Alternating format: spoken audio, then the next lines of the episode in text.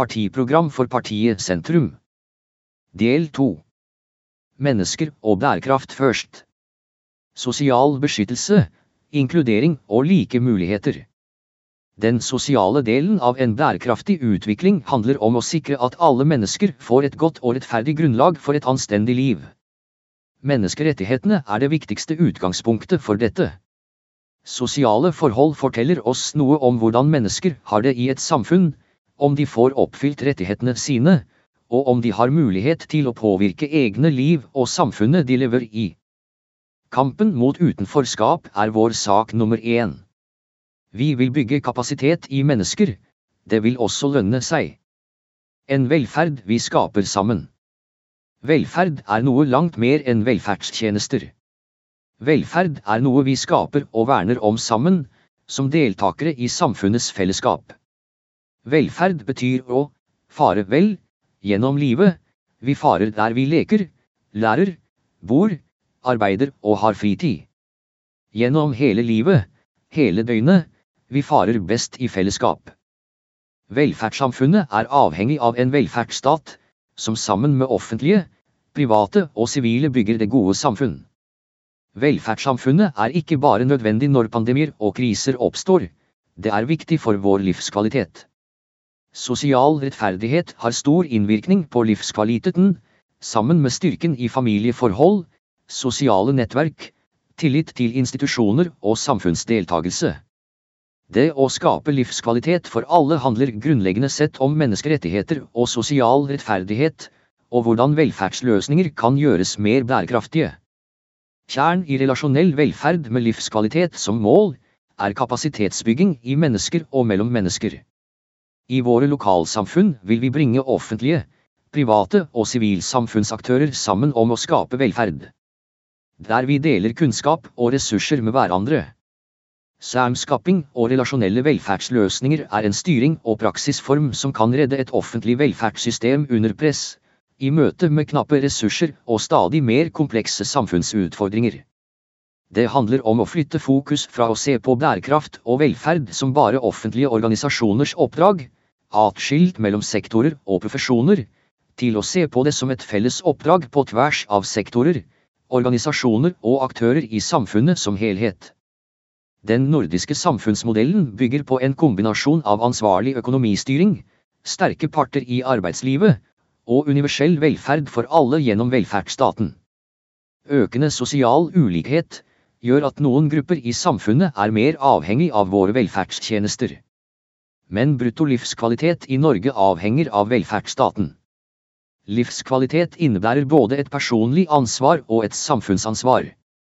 Når livskvalitet er målet fremfor økonomisk vekst, trenger vi å utvikle et mål for bruttonasjonal livskvalitet som et supplement til bruttonasjonalprodukt.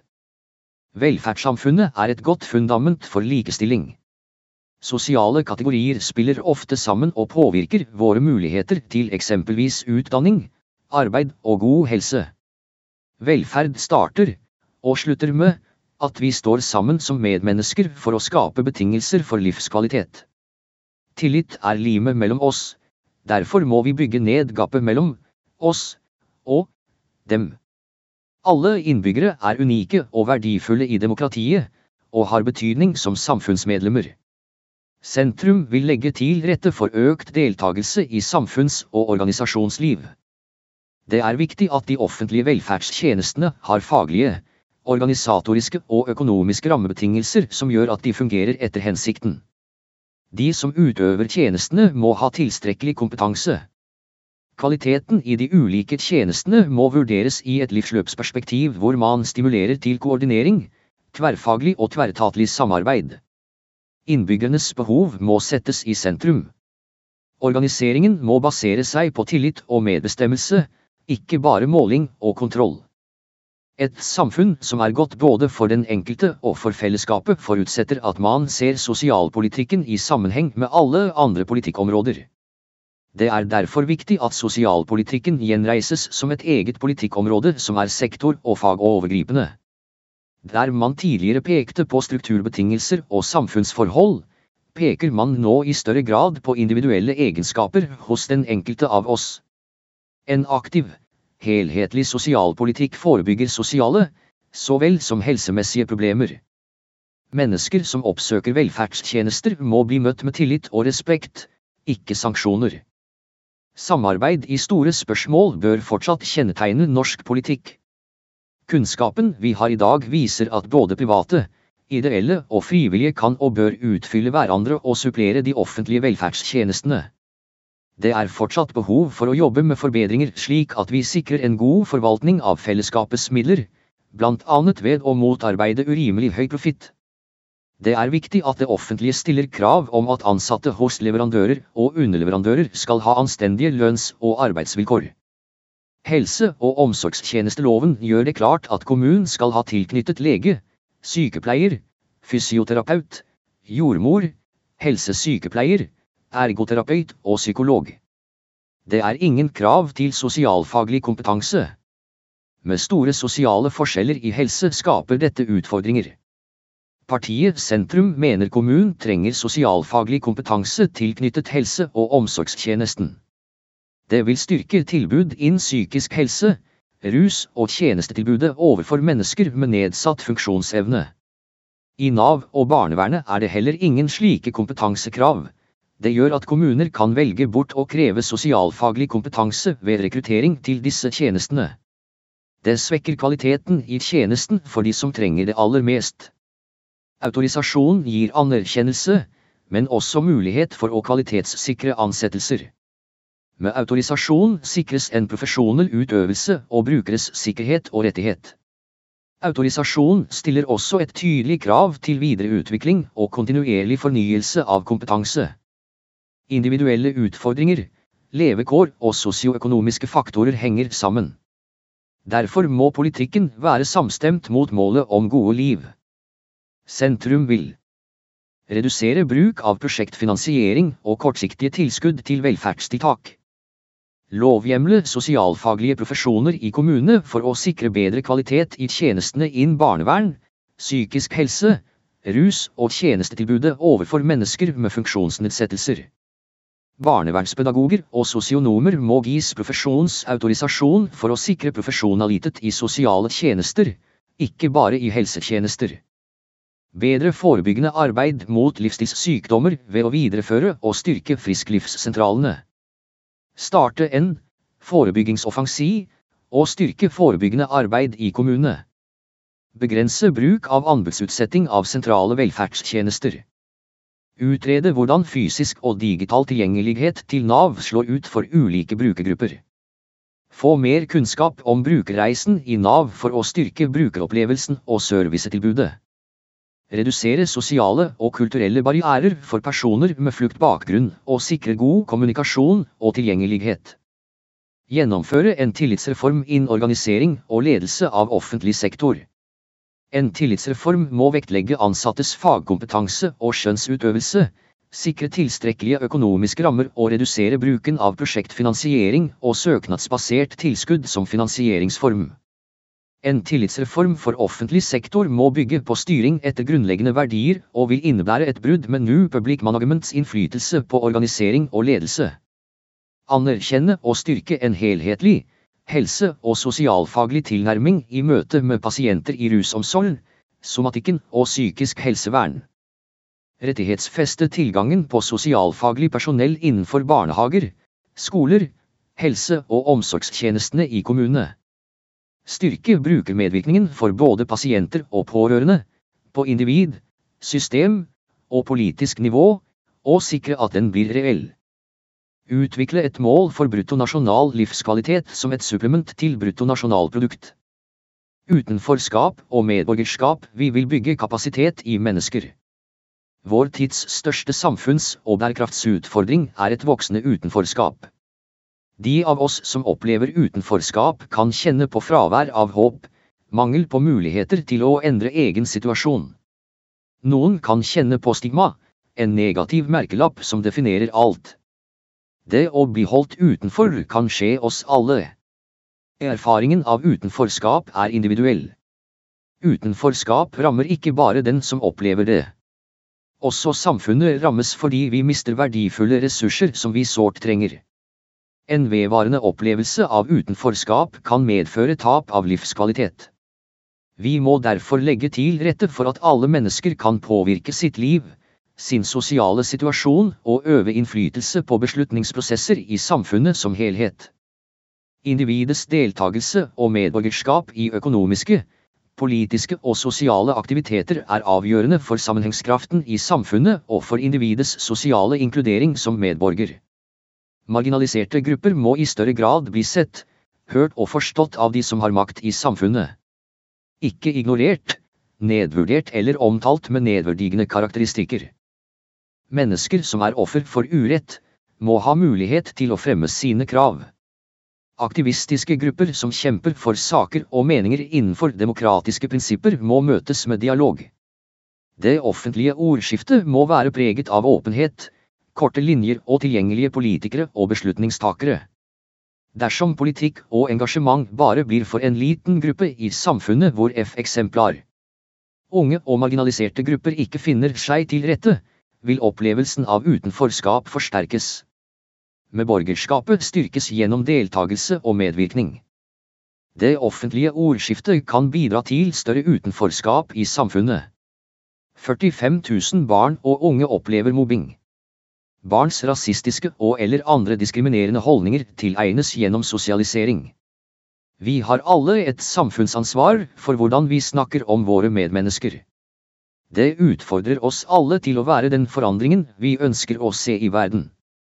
Gjennom vår politikk på ulike områder ønsker vi å gjøre kampen mot utenforskap til vår viktigste kamp. Da vil alle våre mål innenfor F-eksemplar helsetjenester, boligpolitikk, økonomisk fordeling og skole være fokusert mot å nå dette hovedmålet. Vi vil bygge ned avstander mellom oss. Det er nemlig en avstand vi ikke har plass til. Sentrum vil Stimulere kommuner til å ta i bruk utenfor regnskapet utarbeidet av KS. Fremme en god psykisk helse hele livet. Vi er aldri alene, selv om det kan føles sånn. Ensomhet er en av vår tids største utfordringer.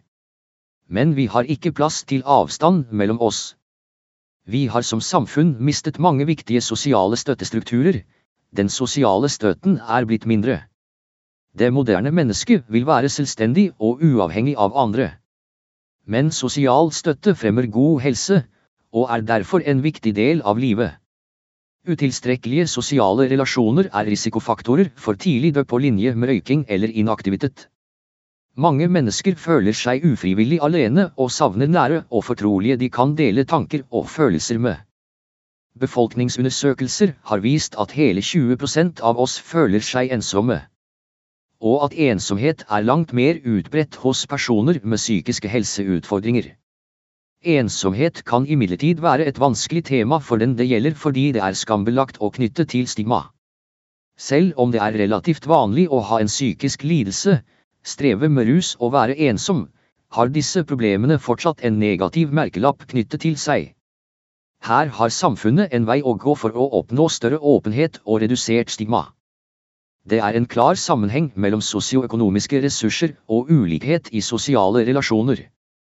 Høyere utdanning, inntekt og yrkesaktivitet øker sjansen for større sosiale nettverk, mens personer med lavere husholdninginntekt oftere opplever barrierer for sosial deltakelse. Alle lokalsamfunn trenger levende, åpne møteplasser, det vil bidra til gode levekår.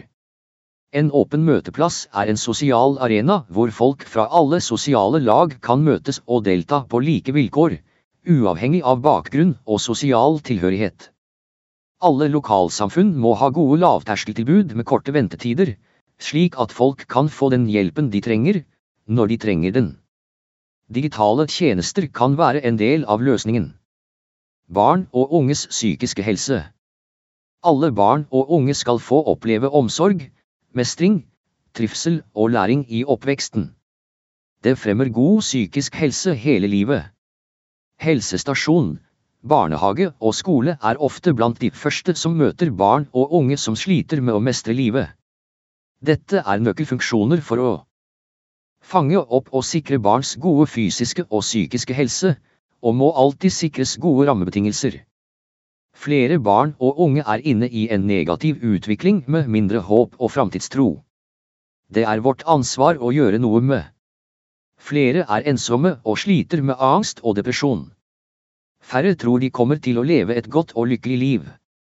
Kunnskap om folkehelse og livsmestring må styrkes i barnehage, skole og høyere utdanningsløp. Vi må bygge kapasitet i mennesker slik at alle kan erfare mestring, livshåp og få mot til å gå ut i skole og arbeidsliv. Tidlig innsats vil lønne seg. Kostnadene med å bli satt utenfor utdanning, arbeid og opplæring er langt større enn å forebygge. Norge har en høyere andel unge som ikke er i arbeid eller utdanning sammenlignet med gjennomsnittet i OECD-landet, og et økende antall unge uføre. Vi trenger derfor en helt ny tilnærming til unge, slik at alle som ønsker det, klarer å fullføre videregående skole. Partiet Sentrum vil videreføre arbeidet med å heve kompetansen i norsk skole og barnehage til å forebygge, avdekke og håndtere mobbing og skolevegring og gi kommunene gode verktøy for å skape helsefremmende oppvekstmiljøer.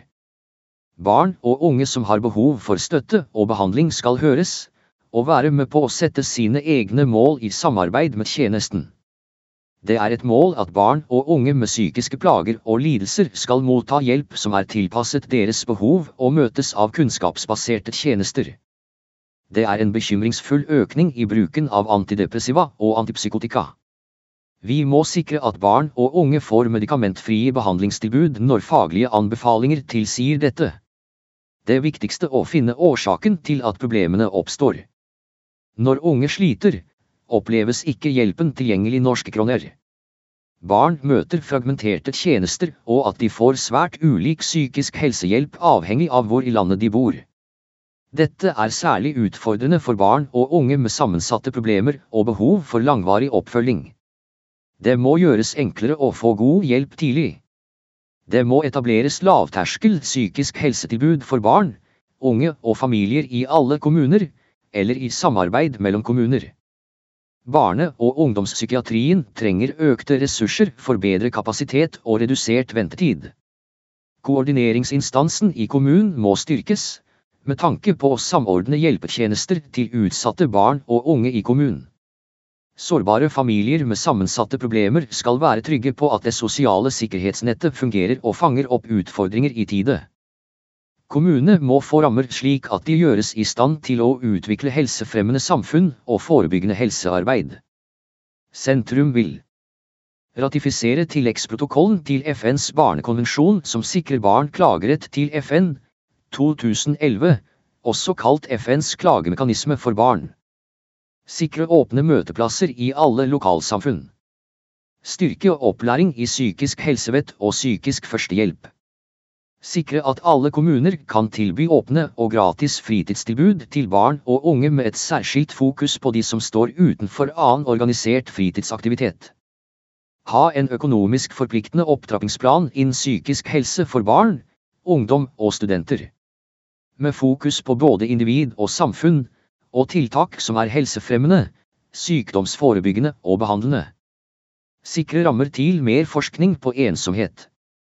Bekjempe mobbing ved å satse mer på kompetanseheving av skolens personale, øke støtten til organisasjoner som arbeider mot mobbing, etablere beredskapsteam mot mobbing i alle kommuner, samt satse mer på sosialpedagogisk rådgivning og miljøarbeidere på skoler med store læringsmiljøutfordringer. Øke kompetansen om skolevegring blant skolens personale og kommunale tjenester. Sikre finansiering av læremidler til det tverrfaglige temaet folkehelse og livsmestring i fagfornyelsen, som kan bidra til å forebygge og mestre livets utfordringer. Redusere foreldrebetaling og tilby gratis kjernetid i barnehage for barn av foreldre med lav inntekt. Innføre foreldrekurs som et tilbud til alle barnefamilier. Sikre elever på en tid. Trinn minst én time fysisk aktivitet hver dag. Sette inn kunnskapsbaserte tiltak for å forebygge kroppspress. Styrke helse- og sosialtjenesten i skolen, annet gjennom økt tilstedeværelse av helsesykepleiere og annet helse- og sosialfaglig personell. Sikre innsats for tverrfaglig samarbeid i barnehager og skoler for å fange opp psykisk uhelse og fremme kontakt med hjelpeapparatet på et tidlig tidspunkt. Styrke innsatsen mot internettrelaterte overgrep. Utvikle nasjonale råd for skjermbruk på linje med kostholdsrådene. Utvikle mer kunnskap om skjermbruk og sosial mediebruk sin innvirkning på helse. Sikre lavterskel psykiske helsetilbud i alle lokalsamfunn. Fjerne egenandelen for 16-17-åringer på fastlege og legevakt. Styrke behandlingstilbudet i barne- og ungdomspsykiatrien, BUP, gjennom flere menneskelige ressurser. Åpne for at helsesykepleiere kan henvise til BUP. Oppdatere normtallene for helsesykepleiere for å fange opp dagens utfordringsbilde og behov. Sikre tilstrekkelig sengekapasitet for barn og unge i psykisk helsevern. Styrke medvirkning fra barn, unge og pårørende når det gjelder beslutninger som tas om behandling i psykisk helsevern. Styrke helsetilbudet til unge med rusmiddelproblemer. Sikre tilstrekkelige ressurser, riktig kompetanse og rutiner for samarbeid mellom barnevernet og helsesektoren. Øke rekrutteringen til helsepersonellutdanning fra minoritetsgrupper og fra grupper med særskilt kulturbakgrunn. Utrede og evaluere samarbeidsløsninger som muliggjør dialog mellom kommuner og spesialisthelsetjenesten om barn og unge før og under henvisning til BUP. Styrke samskapingsrelasjon på tvers av alle sektorer som bidrar i forebyggende arbeid og tidlig innsats overfor barn og unge. Innføre overgangsordning mellom BUP og voksenpsykiatrien. Styrke kompetansen og kunnskapen om LHBT-personer i BUP. Vold og overgrep. Vold og overgrep forekommer i alle samfunnslag og i alle miljøer. Vold og overgrep er alvorlige brudd på menneskerettighetene og et folkehelseproblem. Ingen barn skal leve med vold, seksuelle overgrep og annen omsorgssvikt. Barn og unge som blir utsatt for vold og overgrep, risikerer dårlig psykisk og fysisk helse, rus, utenforskap, manglende skolegang og arbeidskapasitet. Majoriteten av barn som vokser opp med vold, blir aldri sett eller oppdaget. Det er derfor helt avgjørende med en helhetlig satsing for å forebygge, avdekke og bistå ofre for vold og overgrep på en langt bedre måte enn vi klarer i dag. Vold og overgrep på internett er et økende problem. I en digital verden, hvor barn i større grad oppholder seg på internett, er det viktig å jobbe for å beskytte dem mot seksuelle overgrep i det digitale rom, ved å forebygge og avdekke seksuelle overgrep på internett. Det er for mange hull i oppfølgingstilbudet til barn som har blitt utsatt for vold og overgrep. Ingen barn skal bli kasteballer i et system. Det er særlig viktig for barn som er ekstra sårbare som følge av at de har blitt utsatt for vold og overgrep. Flere voldtektsutsatte opplever en grunnleggende mangel på rettstrygghet. Voldtekt er et omfattende samfunnsproblem i Norge. Nesten én av ti kvinner oppgir å ha vært utsatt for voldtekt minst en gang i løpet av livet. Altfor ofte blir man møtt med fordommer og myter knyttet til voldtekten. Svært få voldtektssaker blir anmeldt, behandlingstiden er for lang, og nesten ingen saker fører til domfellelse. Norsk lov bør fastslå at ethvert menneske har rett til å bestemme over egen kropp og seksualitet. Pandemien rammet ekstra hardt ungdom som i utgangspunktet hadde et hjelpebehov. En av seks unge opplevde vold eller overgrep i løpet av de første ukene skolen var stengt. 20% av disse opplevde psykisk eller fysisk vold for første gang under nedstengingen. Mange opplevde nettovergrep for første gang under nedstengingen, og jenter var mer utsatt enn gutter. Ungdom i lave inntektsfamilier og der foreldrene hadde psykososiale vansker, var mer utsatt for alle former for vold og overgrep. Over 20% av kvinner og ca 8% av menn har vært utsatt for et seksuelt overgrep før de fylte 18 år. Og nesten en tredjedel av befolkningen oppgir at de har vært utsatt for alvorlig vold etter at de fylte 18 år. Derfor må vi fortsette arbeidet med å forebygge og redusere de helsemessige og sosiale konsekvensene som vold og traumatisk stress kan medføre. Litt over 9% av kvinner og i underkant av 2% av menn oppgir at de har vært utsatt for alvorlig fysisk vold fra partner. Kvinnene frykter i større grad enn menn å bli skadet eller drept. For personer som lever med vold i familien, kan det være svært vanskelig å komme seg ut av en voldelig relasjon, fordi de ofte føler en viss lojalitet til voldsutøveren. Vi må derfor sikre at personer som utsettes for vold av familiemedlemmer får den nødvendige støten og de trenger i en akutt fase, samt tett oppfølging av fagpersoner over tid.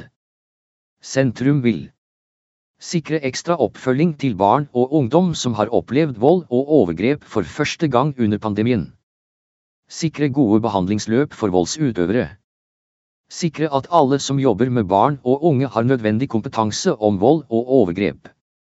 Styrke tiltak som forebygger og avdekker vold i nære relasjoner som rammer særlig sårbare grupper som eldre, pleietrengende, personer med psykiatri eller rusproblematikk og mennesker med utviklingshemning.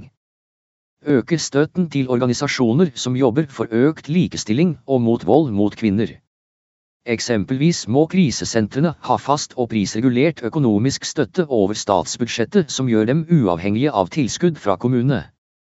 Tydeliggjøre straffelovens voldtektsbestemmelser, slik at seksuell omgang uten samtykke er definert som voldtekt, gjennom en samtykkelov som gir kvinner og menn som er utsatt for voldtekt en bedre rettstrygghet, og samtidig gir et viktig signal i det forebyggende arbeidet mot voldtekt. Styrke arbeidet mot vold i nære relasjoner i samiske samfunn, og styrke språk- og kulturkompetanse i tjenestene. Sikre helhetlig og langsiktig oppfølging av volds- og overgrepsutsatte. Sikre gode rammevilkår for krisesentrene, slik at de kan tilby gratis hjelp. Styrke innsatsen mot internettrelaterte overgrep. Styrke arbeidet med å følge opp LHBT-personer som er blitt utsatt for vold eller overgrep. Selvmordsforebygging. Alle mennesker er unike og verdifulle i kraft av sin eksistens. Derfor har vi ingen å miste. Selvmord den nest hyppigste dødsårsaken blant unge mellom 15 til 24 år, og at det er behov for økte ressurser til forskning og arbeidet med forebygging av selvmord blant barn og unge.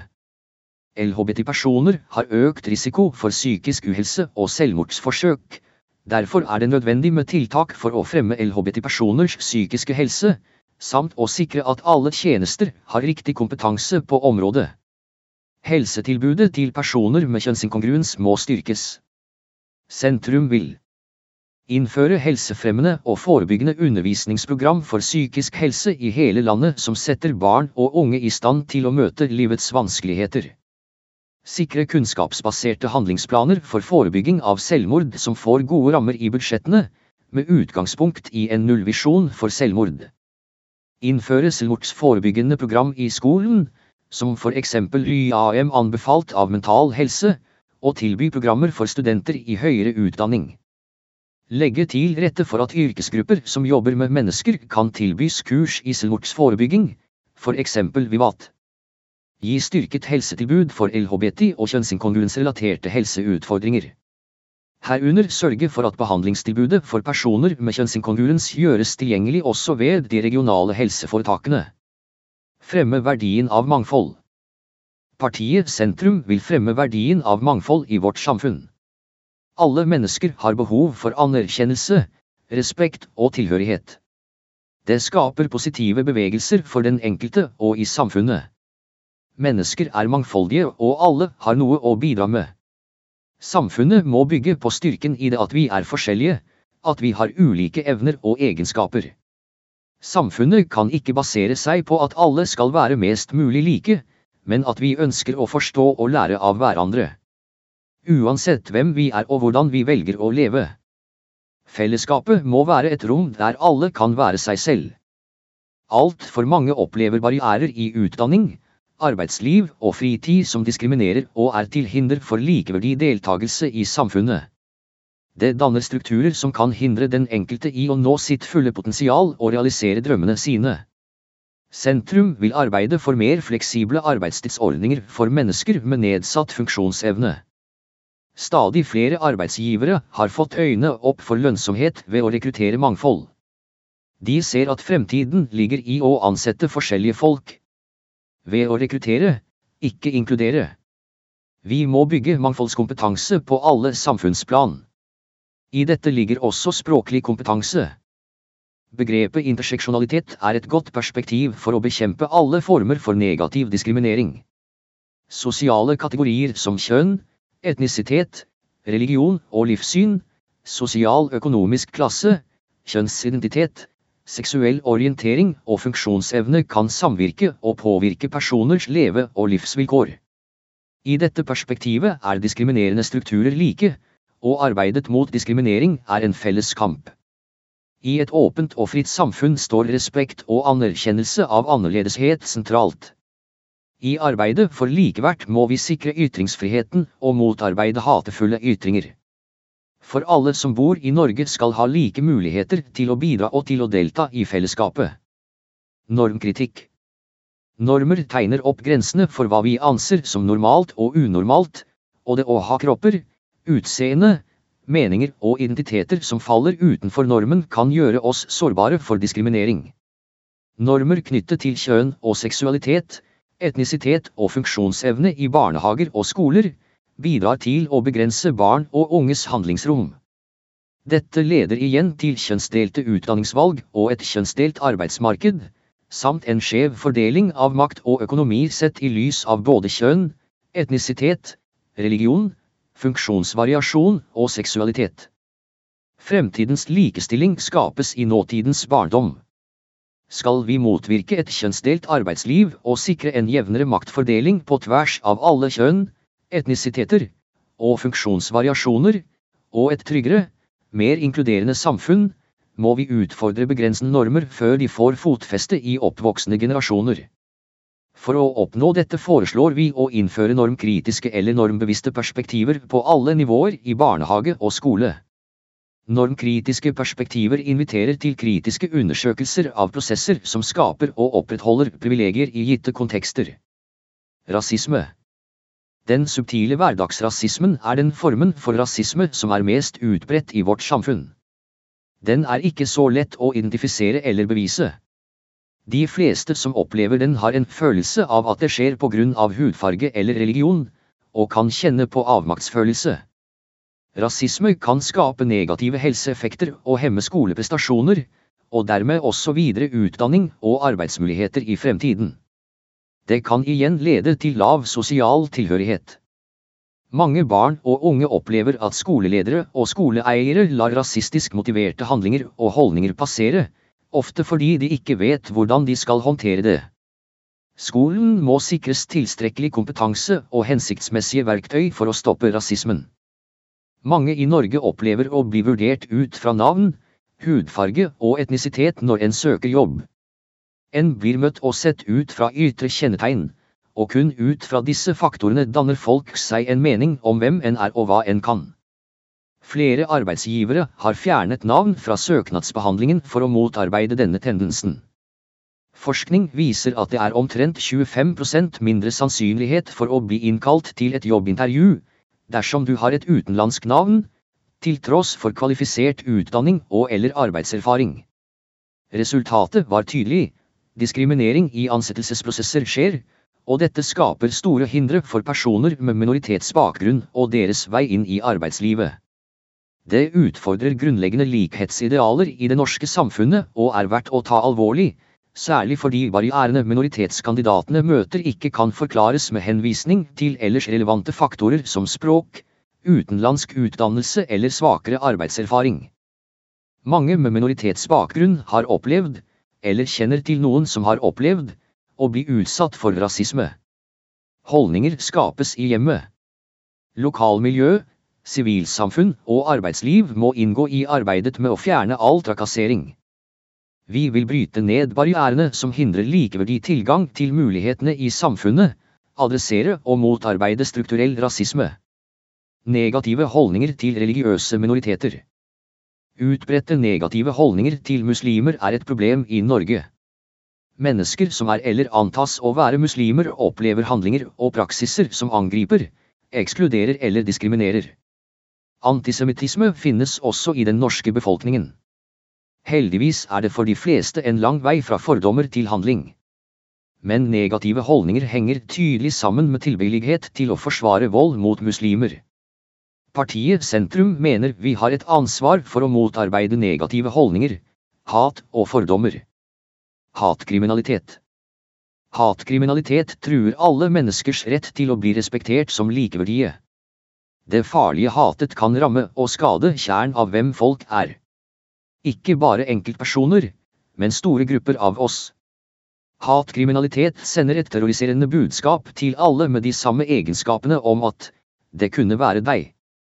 Politiets egne undersøkelser viser at over halvparten av de anmeldte forhold av hatkrim baserer seg på etnisitet, samt kombinasjonen etnisitet og religion. Det må arbeides for at flere forhold blir anmeldt. De som anmelder gjør en viktig handling på vegne av fellesskapet, for at Norge skal være et fredelig, trygt og demokratisk samfunn. I et demokratisk samfunn skal vi ikke godta hatefulle ytringer, handlinger eller trusler som skaper frykt. Likestilling mellom kjønnene. Like rettigheter for alle, uavhengig av kjønn, er et grunnleggende prinsipp som dessverre fortsatt må være en kampsak. Det er fortsatt forskjeller mellom kjønnene i gjennomføring i skolen, i arbeidslivet, i lønnsnivå, i familieliv og i helse, og dette truer det likestilte samfunnet. Særlig har koronapandemien rammet likestillingsutviklingen i Norge. Lønnsgapet har økt siden mars 2020 og yrkesdeltakelsen for kvinner har sunket. Det har også blitt rapportert økt vold mot kvinner. Sentrum vil Sikre mangfoldskompetanse i alle mellomstore og store selskaper. Sikre mangfoldskompetanse i offentlige etater, råd og utvalg. Innføre normkritikk som et virkemiddel for å skape et trygt psykososialt skolemiljø. Innarbeide normkritiske perspektiver i lærerutdanningene og relevante læreplaner, samt for andre yrkesgrupper i skoler og barnehager. Sikre et fortsatt kompetanseløft om likestilling og normkritikk rettet mot ansatte i barnehager og skoler. Styrke diskrimineringsvernet mot rasistiske ytringer og handlinger. Motarbeide negative holdninger, hat og fordommer. Utvikle en nasjonal veileder til kommunene om hvordan forebygge og håndtere rasisme i lokalsamfunnet. Øke støtten til organisasjoner som arbeider med antirasisme. Styrke innsatsen mot hatkriminalitet med både forebyggende innsatser og justis. Sikre at alle i løpet av skolegangen får solid kunnskap om folkemordet på jødene under to. Verdenskrig, holocaust. Bekjempe antisemittisme, holocaustbenektelse og muslimfiendtlighet. Støtte reguleringer som begrenser den kommersielle industrien som bygger opp under skjønnhetstyranniet, rettet særlig mot barn og unge. At Norge skal være et trygt land og være skeiv i konverteringsterapi er en trussel mot denne tryggheten. Derfor vil vi støtte den pågående utredningen med sikte på et forbud. Innføre kvitteringsordning hver gang en blir stoppet av politiet. Innføre organisasjonsforbud mot nazistiske grupperinger. Gjennomføre en bred og grundig kartlegging av rasisme i offentlig sektor. Styrke gjennomføring av rasediskrimineringsparagrafen i norsk lov. Styrke politiets innsats mot hatkriminalitet. Inkludere antirasisme og antidiskrimineringsarbeid i lærerutdanningen. Pålegge offentlige arbeidsgivere anonymiserte søknadsprosesser fram til første intervju. Øremerke tilskudd til kommunale handlingsplaner mot rasisme. Fortsette kampen for likestilling mellom kjønnene i et interseksjonalitetsperspektiv. Ha økt mangfold og bedre representasjon mellom kjønnene i arbeidslivet. Bekjempe seksuell trakassering i skole og arbeidsliv. Bekjempe polarisering, radikalisering og ekstremisme. Vi må ta tak i frykten for annerledeshet. Vi må tørre å utfordre holdninger hos oss selv og andre. Vi behøver flere arenaer der folk kan møtes på tvers av ulike gruppetilhørigheter, der man kan dyrke den åpne og fordomsfri samtalen. Avstanden mellom mennesker i Norge kan være stor, både kulturelt og økonomisk. Vi er mange som lever fraskilt fra andres virkeligheter. Ved å møtes og gå i dialog, lærer vi at mangfold og forskjellighet ikke er en trussel, men en berikelse som er avgjørende for at vi lykkes som samfunn. Vi vil arbeide for et samfunn med åpenhet og gjensidig respekt, og der individet er fritt til å være seg selv og ta selvstendige valg. En trussel mot dette er negativ sosial kontroll, som kommer i mange former og varianter. Det kan være praksiser nedarvet fra våre kulturer og religioner. Vi må bruke systemene og institusjonene vi har til å forebygge alle former for negativ sosial kontroll, utenforskap, polarisering og radikalisering. Språk skaper holdninger, verdier og narrativer. Derfor er det vesentlig å bruke et inkluderende språk, samtidig som vi står opp for ytringsfriheten. Det går en grense for ytringsfriheten ved hatefulle ytringer. Ytringsfrihet innebærer også et ytringsansvar. I et opplyst og livssynsåpent samfunn er kritikk og fritt meningsmangfold en forutsetning. Vi vil støtte opp om en levende debatt om verdier, og ønsker å styrke forståelsen av hvilke verdier vi knytter til ord og handlinger mot hverandre. For å komme andre mennesker og grupper i møte, må en anerkjenne hvordan de ønsker å bli tiltalt og omtalt, og hvilke ord de ikke vil høre brukt om seg selv. Eksempelvis må en kunne bruke det kjønnsoverskridende ordet hen når noen ønsker å bli omtalt som det. Trusler og hatkriminalitet må møtes med konkret handling og oppfølging. Debatten på nett og i sosiale medier må utredes sammen med politiets mulighet for sanksjoner. Det har vært en økning av hatkriminalitet fra 2015 minus 2019, men domfellelsene er få. Partiet Sentrum vil stå opp mot polariserende retorikk som oppfordrer til hatefulle ytringer. Det går en linje fra hatefulle ytringer til radikalisering og ekstremisme. Vi har alle ytringsfrihet, og samtidig et ansvar for hvordan vi ytrer oss. Vi har et ansvar for å gjennomtenke hvordan vi kan ytre oss for å begrense faren for terror og ekstremisme, og de radikalisertes mulighet til å rekruttere flere. Ytringsansvar er noe vi alle har og bør ta, ikke minst politikere og offentlige personer. Hatkriminalitet kan ikke skjule seg bak ytringsfriheten. Det er ofte personlige grunner og en følelse av å stå utenfor samfunnet som driver mennesker mot radikale organisasjoner. Velferdssamfunnet har et ansvar for å tilby hjelp til de som vil bryte med radikale og ekstreme miljøer. Nettverket rundt de som blir radikalisert må også gis et tilbud om veiledning og støtte. Sosiale medier har fått en forsterkende rolle med tanke på polarisering, radikalisering og ekstremisme. De redaktørstyrte journalistiske mediene har en avgjørende funksjon for å bevare den høye tilliten vi har i landet vårt. Det kan vi ikke ta for gitt. Alle mennesker har rett til et liv i trygghet og frihet. Sentrum vil opprette en ytringsansvarskommisjon som drøfter ytringsfrihetens grenser mot terror, radikalisering og ekstremisme. Alternativt vil vi utvide mandatet til Ytringsfrihetskommisjon. Vektlegge ytringsansvar ETS betydning for et anstendig ordskifte.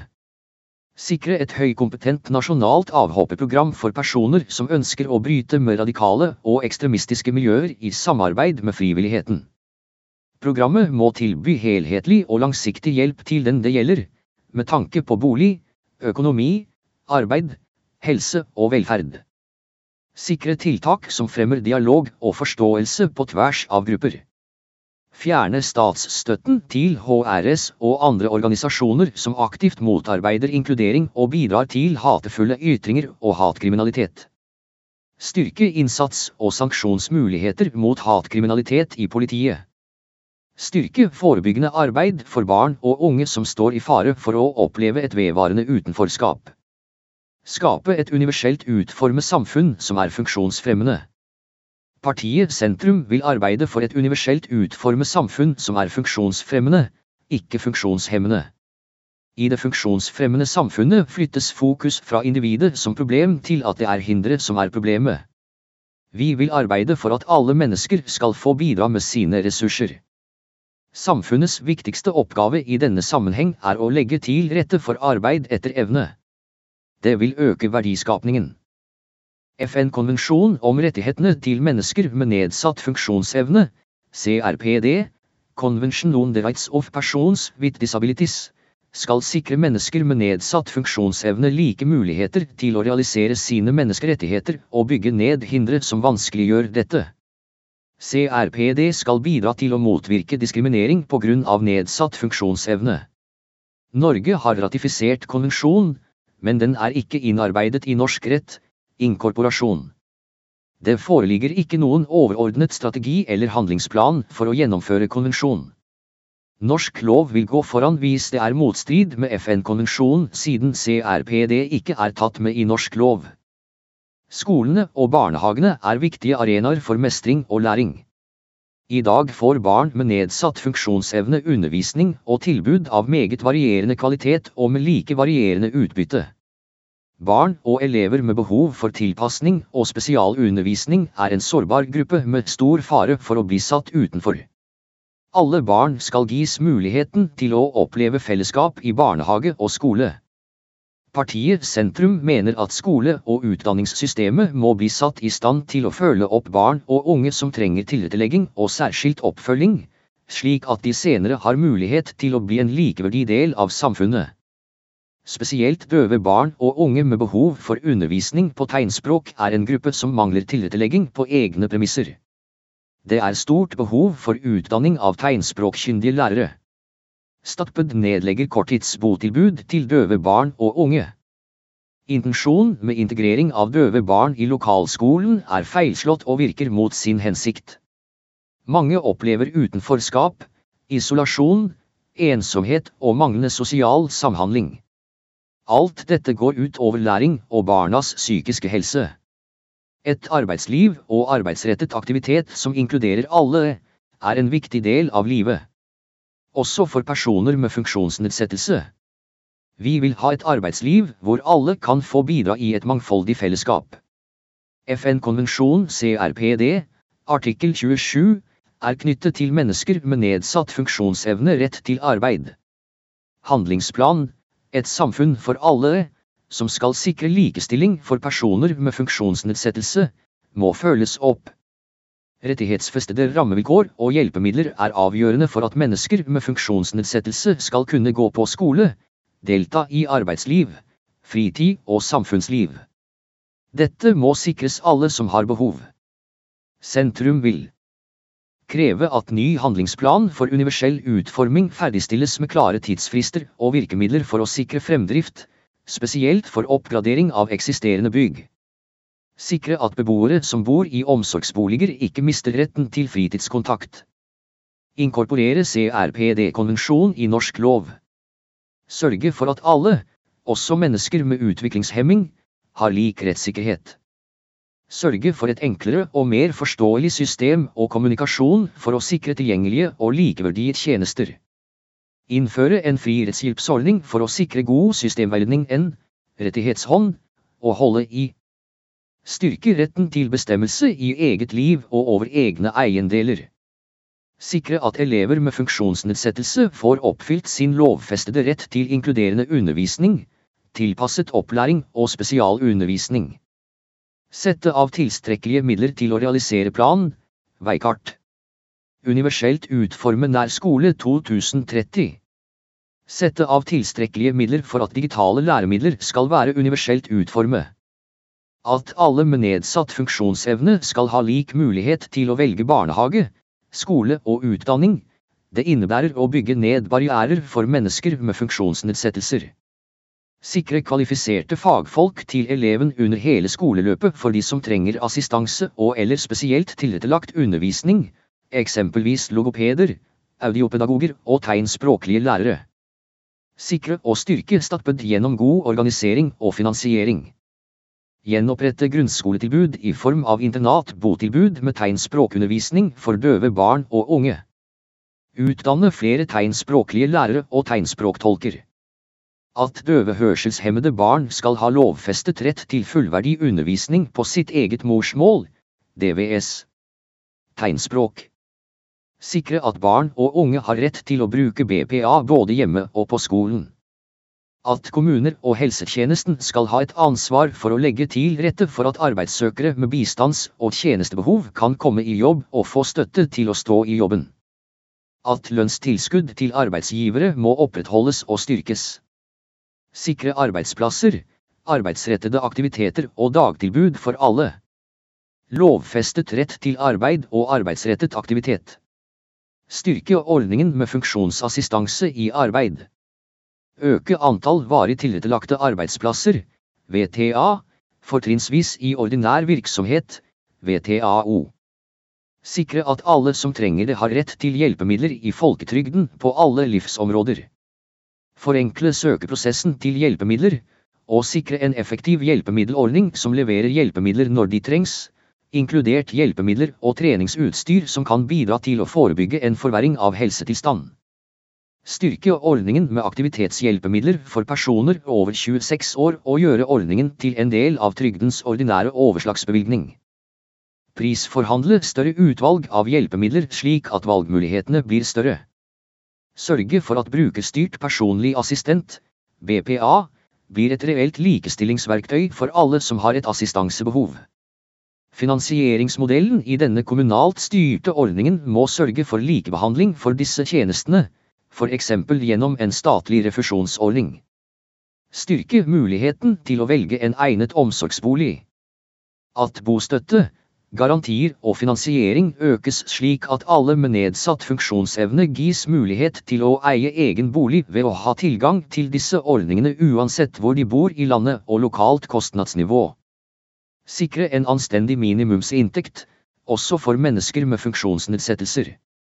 Sørge for at alle har rett til å delta på fritidsaktiviteter, idrett eller annet, selv om man bor i kommunal bolig. Dette inkluderer også retten til transport. At pårørende skal ha forutsigbare og gode avlastningstilbud. Bedre økonomiske rettigheter for pårørende etter at bruker fyller 18 år. Ha et palliativt team i alle kommuner og sikre familier tett oppfølging også under venteperioden. Sikre familiers rett til å velge om man ønsker å tilbringe den siste delen av livet hjemme, i barnehospice eller på sykehus. Sikre at alle helseregioner har tilbud om barnehospice jobbe for en nasjonal ordning for TT-kort som er lik i hele landet. Gjeninnføre et særfradrag på inntil kroner 100 000 for alle med nedsatt funksjonsevne eller deres pårørende. At støtteordning i Nav til bil for mennesker med varig funksjonsnedsettelse også må inkludere klimavennlige biler. Arbeidet for nasjonale retningslinjer for overganger mellom barne- og voksenavdeling på sykehus. Arbeidet for mer forebyggende arbeid og forskning på trakassering, vold og overgrep rettet mot personer med nedsatt funksjonsevne. Arbeidet for at lavterskeltilbud for ungdom som har opplevd vold, overgrep og trakassering skal være tilgjengelige for alle uansett funksjonsevne. Arbeidet for økt åpenhet om funksjonshemmedes seksualitet, og for at unge med funksjonsnedsettelser og kroniske sykdommer sikres tilgang til tilpasset kunnskap og rådgivning om seksualitet og seksualtekniske hjelpemidler. Arbeidet for å øke kompetansen om sammenhengen mellom psykisk helse, funksjonsnedsettelser og kroniske sykdommer, både i spesialisthelsetjenesten og i lavterskeltilbud som skolehelsetjenesten og helsestasjoner for ungdom. Sikre at eldresenter og sykehjem aldri brukes som midlertidig plassering for unge med funksjonsnedsettelser og kroniske diagnoser. Sikre at unge får mulighet til å benytte egen assistent under sykehus- og rehabiliteringsopphold, og at personlig assistent ikke erstattes av helsepersonell. Sikre god tilgang på opplæring i tegnspråk for søsken av personer som kommuniserer med tegnspråk. Bekjempe økonomisk utenforskap og fattigdom i Norge. Å leve i fattigdom betyr at man mangler ressursene som trengs for å kunne leve et fullverdig liv. Når man sliter med å få endene til å møtes, leder det ofte til utenforskap og begrensede muligheter til å delta i samfunnet på lik linje med andre. Partiet Sentrum vil bekjempe økonomisk utenforskap og utrydde fattigdom. Alle har rett til en tilstrekkelig grunninntekt. Det er ikke bare ønskelig, men nødvendig. Partiet Sentrum vil arbeide for at alle har en inntekt som sikrer verdighet i alle livets faser. Arbeidsløshet er først og fremst et systemproblem og ikke et spørsmål om manglende arbeidsmoral. De som ikke har mulighet for egen arbeidsinntekt, må få rett til stønader som sikrer verdighet i alle livets faser. Etter at kutt ble gjennomført i ordningen med arbeidsavklaringspenger, AAP, i 2018 har andelen mennesker som mottar sosialhjelp økt. Kuttene medførte en høyere terskel inn i ordningen, en reduksjon i den ordinære stønadsperioden fra fire til tre år, innstramming i mulighetene til å få forlengelse for personer som ikke er ferdig avklart på ordinær tid, og innføring av en karensperiode på ett år før man kan søke arbeidsavklaringspenger på nytt. Kuttene har i særlig grad rammet personer som av helsemessige årsaker ikke er i stand til å forsørge seg selv gjennom eget arbeid. Disse kuttene må reverseres. Kuttene har ført til en økning i antall mennesker som mottar sosialhjelp og flere uføre. Sosialhjelp skal være en kortvarig løsning. Derfor trengs en ny nasjonal handlingsplan for hvordan samfunnet kan gi denne gruppen nye muligheter. I en svak helsesituasjon er behovet for samfunnets støtte sterkt. Når man er syk, handler det først og fremst om å bli bedre. Deretter handler det om jobb. Vi trenger flere ordninger i Nav.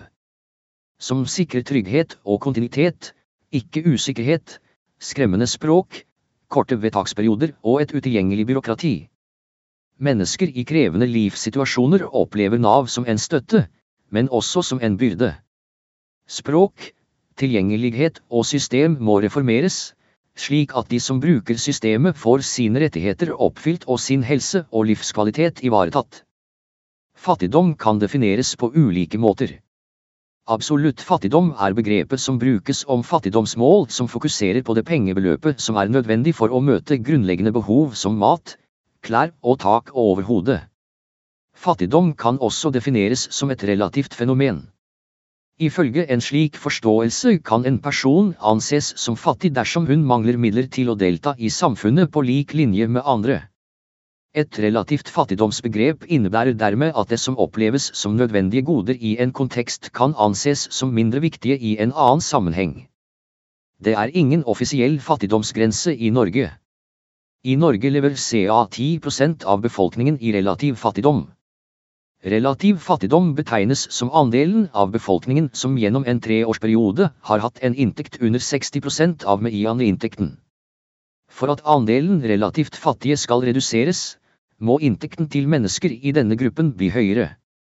Det er et mål for partiet Sentrum at forskjellen i inntekt mellom de rikeste og fattigste skal bli mindre.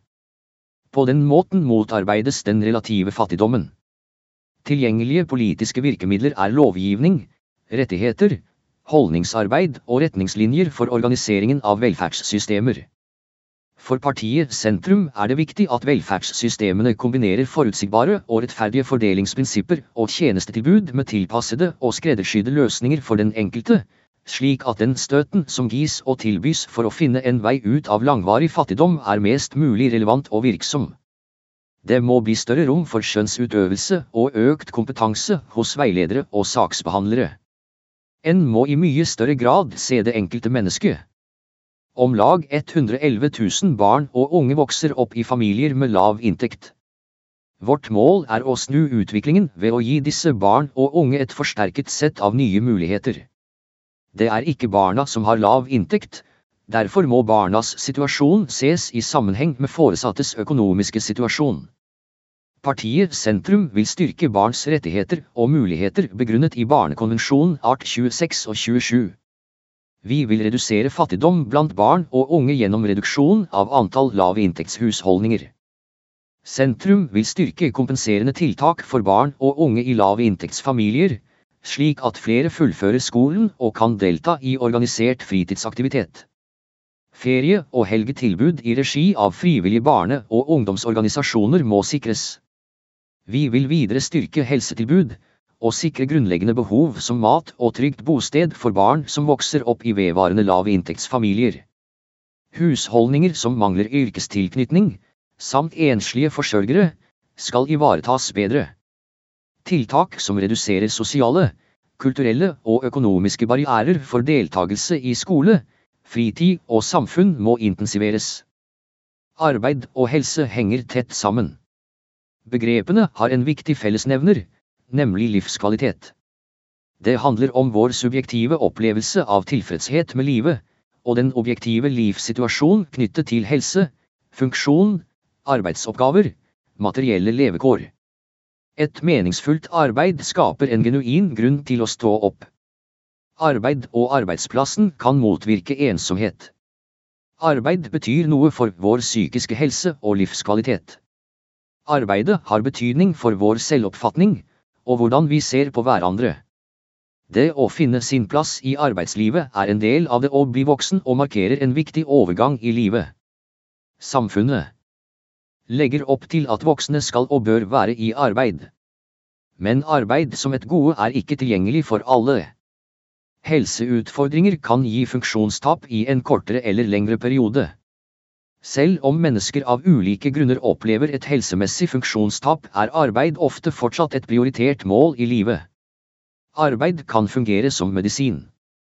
Arbeid innebærer ofte bedre effekt av behandling, færre innleggelser og lavere symptomtrykk. Arbeid er helseøkonomisk lønnsomt. Sentrum vil lovfeste kommuners plikt til å ha en plan for barn og unge i lave inntektsfamilier. Sikre at brukerens behov settes i fokus for tjenesteutviklingen i Nav. Det offentlige har et ansvar for å innfri brukerens rettigheter.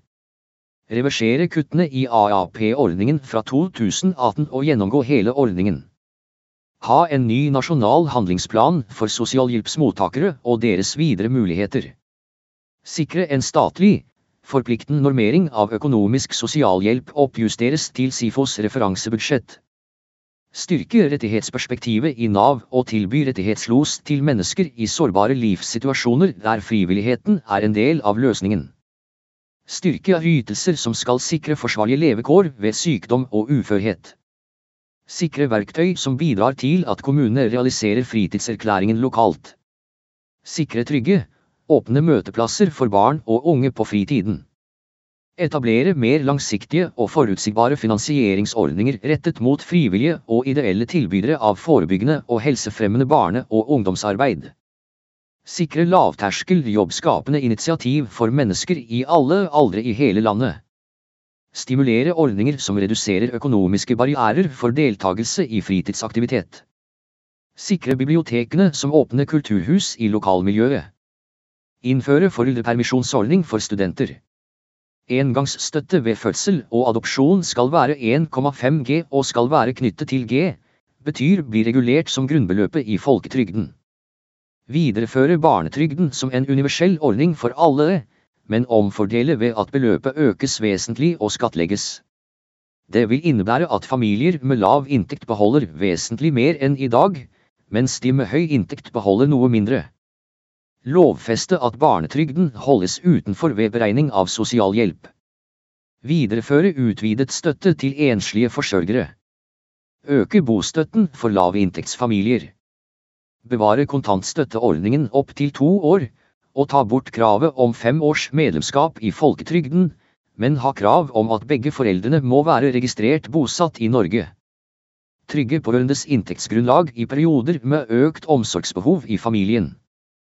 Øke overgangsstønaden for enslige forsørgere og endre på kravet om skoleplass eller arbeid i det barnet fyller et år. Ordningen må gjøres mer fleksibel slik at en ikke mister retten dersom en står uten arbeid eller skoleplass. Flere eldre med erfaring og innsikt. Alder er erfaring, innsikt og klokskap. Det er en viktig ressurs for samfunnsfellesskapet. Eldre har aldri vært friskere enn i dag.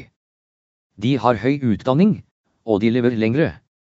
En aldersvennlig politikk handler om å legge til rette for at eldre kan leve gode liv, mestre hverdagen og få bidra så lenge det er et ønske.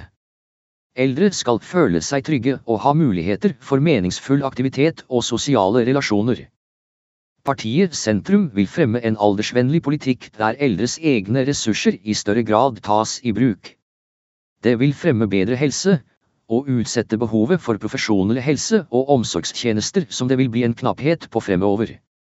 Partiet Sentrum mener vi må utvikle steder der det er godt å bli gammel. Vi må utvikle boliger som fremmer god helse. Vi må skape insentiver til å utvikle nye boformer i kommunene og se til at Husbankens tilskuddsordning understøtter en slik utvikling i tett dialog med eldre selv. Sosial aktivitet forutsetter egnede boliger. Grunnlaget for at eldre skal ha muligheten til sosial aktivitet og deltakelse i samfunnet forutsetter bolig og omgivelser som egner seg å bo i. De gode løsningene utformes sammen med de som har behov for den. Eldre må i større grad gis muligheter for å fremme egne løsningsforslag, og få være en del av løsningen. Frivillige og ideelle aktører må slippes til i samarbeid med det offentlige når nye tjenester skal utformes. I arbeidslivet må ordninger som aldersgrenser, pensjonssystem og ledelses- og personalpolitikk legge til rette slik at flere eldre kan jobbe lengre. Inkluderende og utviklende arbeidsmiljø motiverer, eldres arbeidskraft og kompetanse må stimuleres. Når vi blir flere eldre må vi ta mer ansvar for vår egen alderdom, eksempelvis ved å planlegge boligen og andre forhold som er viktige for helse og livskvalitet. Eldre er en uutnyttet ressurs i det oppsøkende arbeid blant andre eldre i kommunene. I vårt samfunn er digital kompetanse definert som en basisferdighet på lik linje som å kunne lese og skrive.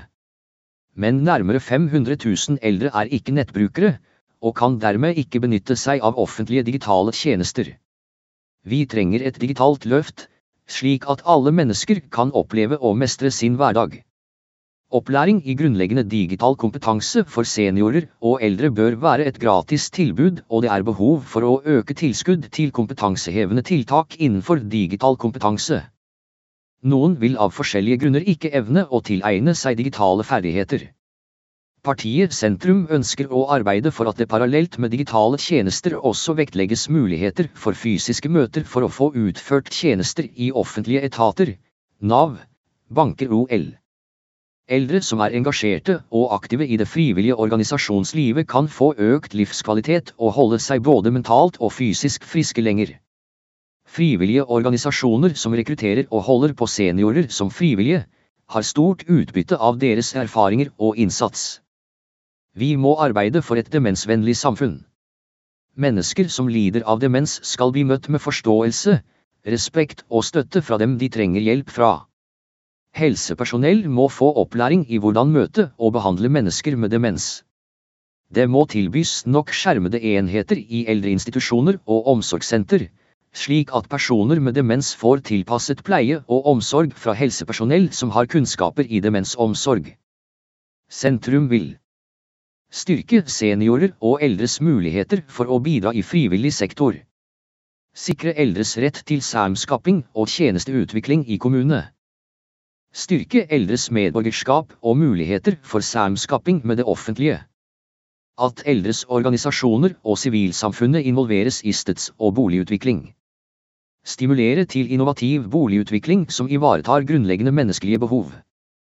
Sikre tilstrekkelig ramme for heistilskuddet i Husbanken, slik at eksisterende boliger blir oppgradert. Stimulere tiltak i kommuner der eldre kan støtte eldre. Sikre åpne og attraktive møteplasser for seniorer og eldre. Bekjempe aldersdiskriminering og skape muligheter for at de som ønsker det kan jobbe lenger. Styrke karriereveiledning i arbeidslivet fra fylte 50 år. Gjennomgå lovbestemte aldersgrenser i arbeidslivet i samråd med partene. Bidra til å utvikle arbeidslivet slik at det gir bedre muligheter for seniorer til å fortsette flere år i arbeid. Forebygge digitalt utenforskap blant seniorer og eldre.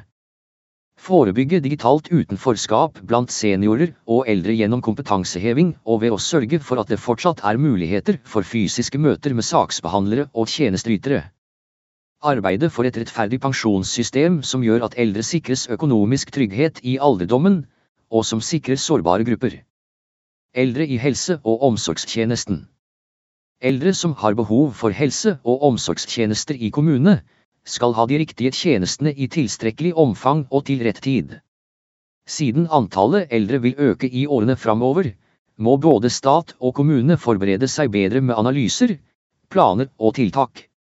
Det er store utfordringer med pasientsikkerheten i eldreomsorgen, annet når det gjelder ernæring, legemidler og fall. Unødige innleggelser må unngås. Sårbare eldre tåler dårlig å bli flyttet på, og bør få behandlingen der de er. Det er stor mangel på fravær av tegnspråklig kompetanse og miljø på eldre- og sykehjem. Eldre døve i offentlig omsorg blir derigjennom understimuellert ensomme og fratas mulighet for kommunikasjon og samhandling med omverdenen. Dette er brudd på menneskerettighetene. Det er sterkt behov for en holdningsendring og kompetanseheving i helsesektoren for å forstå døves behov og rettigheter til et likeverdig omsorgstilbud. Det er behov for å styrke den akuttmedisinske kompetansen i eldreomsorgen. Samt styrke en profesjonell samhandling med frivilligheten. En viktig oppgave fremover er å sikre riktig kapasitet i eldreomsorgen. Investeringstilskuddet har bidratt til utbygging og modernisering av omsorgsplasser, men det er usikkert om kapasiteten innen heldøgns omsorg for eldre har blitt bedre. Selv om flertallet av kommunene har tatt i bruk velferdsteknologi, er det mange kommuner som fortsatt ikke gjør det. Kunnskapen om velferdsteknologi og nyten eldre kan ha av slik teknologi bør styrkes gjennom kompetansetiltak og informasjonsspredning. Eldre som ønsker det må få tilgang til velferdsteknologiske løsninger. Sentrum vil sette kommunene i stand til å forberede seg på konsekvensene av den forventede økningen i antall eldre, og vurdere hvordan statlige virkemidler best kan brukes for å bistå kommunene i arbeidet. Sikre at statlige virkemidler bidrar til at kommunene kartlegger og tar hensyn til de eldres behov og ønsker, før de tildeler helse- og omsorgstjenester. Sikre ivaretakelse av de eldres klagerettigheter både i kommune og gjennom statsforvalterens behandling redusere det høye sykefraværet og den omfattende bruken av deltid i eldreomsorgen. Arbeide for at alle norske eldreinstitusjoner skal sertifiseres som livsgledehjem, en nasjonal sertifiseringsordning som sikrer at de psykososiale behovene til beboere ved virksomheter med heldøgns eldreomsorg ivaretas systematisk. Styrke eldres tilgang og muligheter til å delta i meningsfylt aktivitet og revitalisere sentre for dagaktivitet. Sikre gode palliative tiltak for eldre. Tilrettelegge for at ansatte i helsetjenesten må ha kompetanse til å ivareta eldre pasienter med flere kroniske sykdommer slik at den eldre kan bli ivaretatt i akutte og alvorlige sykdom. Stimulere til økt videreutdanning av helsepersonell innen geriatri.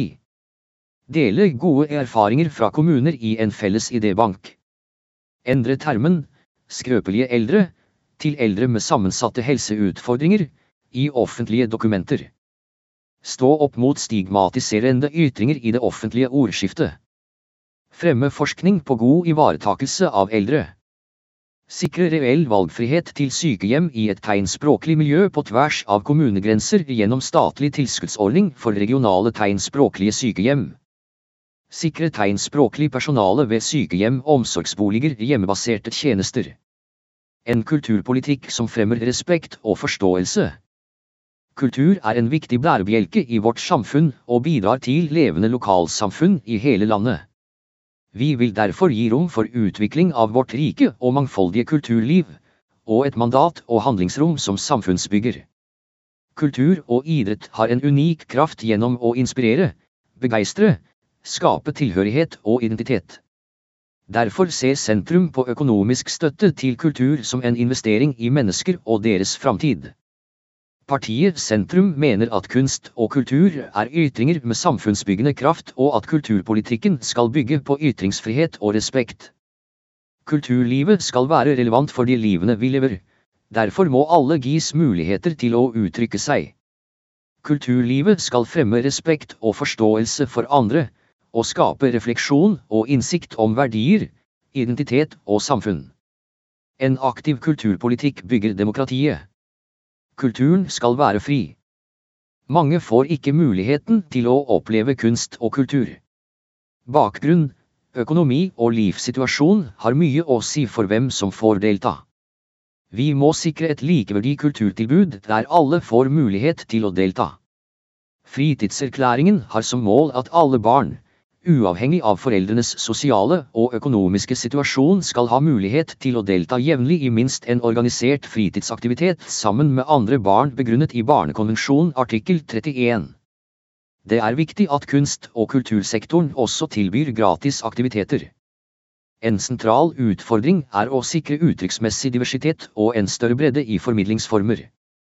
En god og bærekraftig samfunnsutvikling sikres gjennom en balanse mellom fellesskap og individualitet, og mellom tradisjon og fornyelse.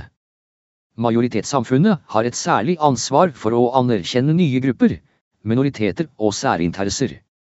Urfolk Urfolk har rett til å bli hørt og delta i beslutningstaking, planlegging og gjennomføring av prosjekter som kan påvirke deres rett til selvbestemmelse, deltagelse, menneskerettigheter og eller juridiske, hevdvunne eller tradisjonelle bruk og forvaltning av land og naturressurser, og eller deres kultur.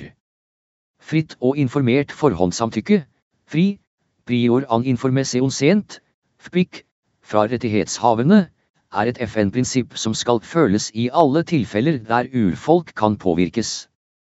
Kreative næringer Kreative næringer og innovasjon kan skape mange nye inntekter og arbeidsplasser, og kulturfeltet er en viktig del av fremtidens arbeidsliv.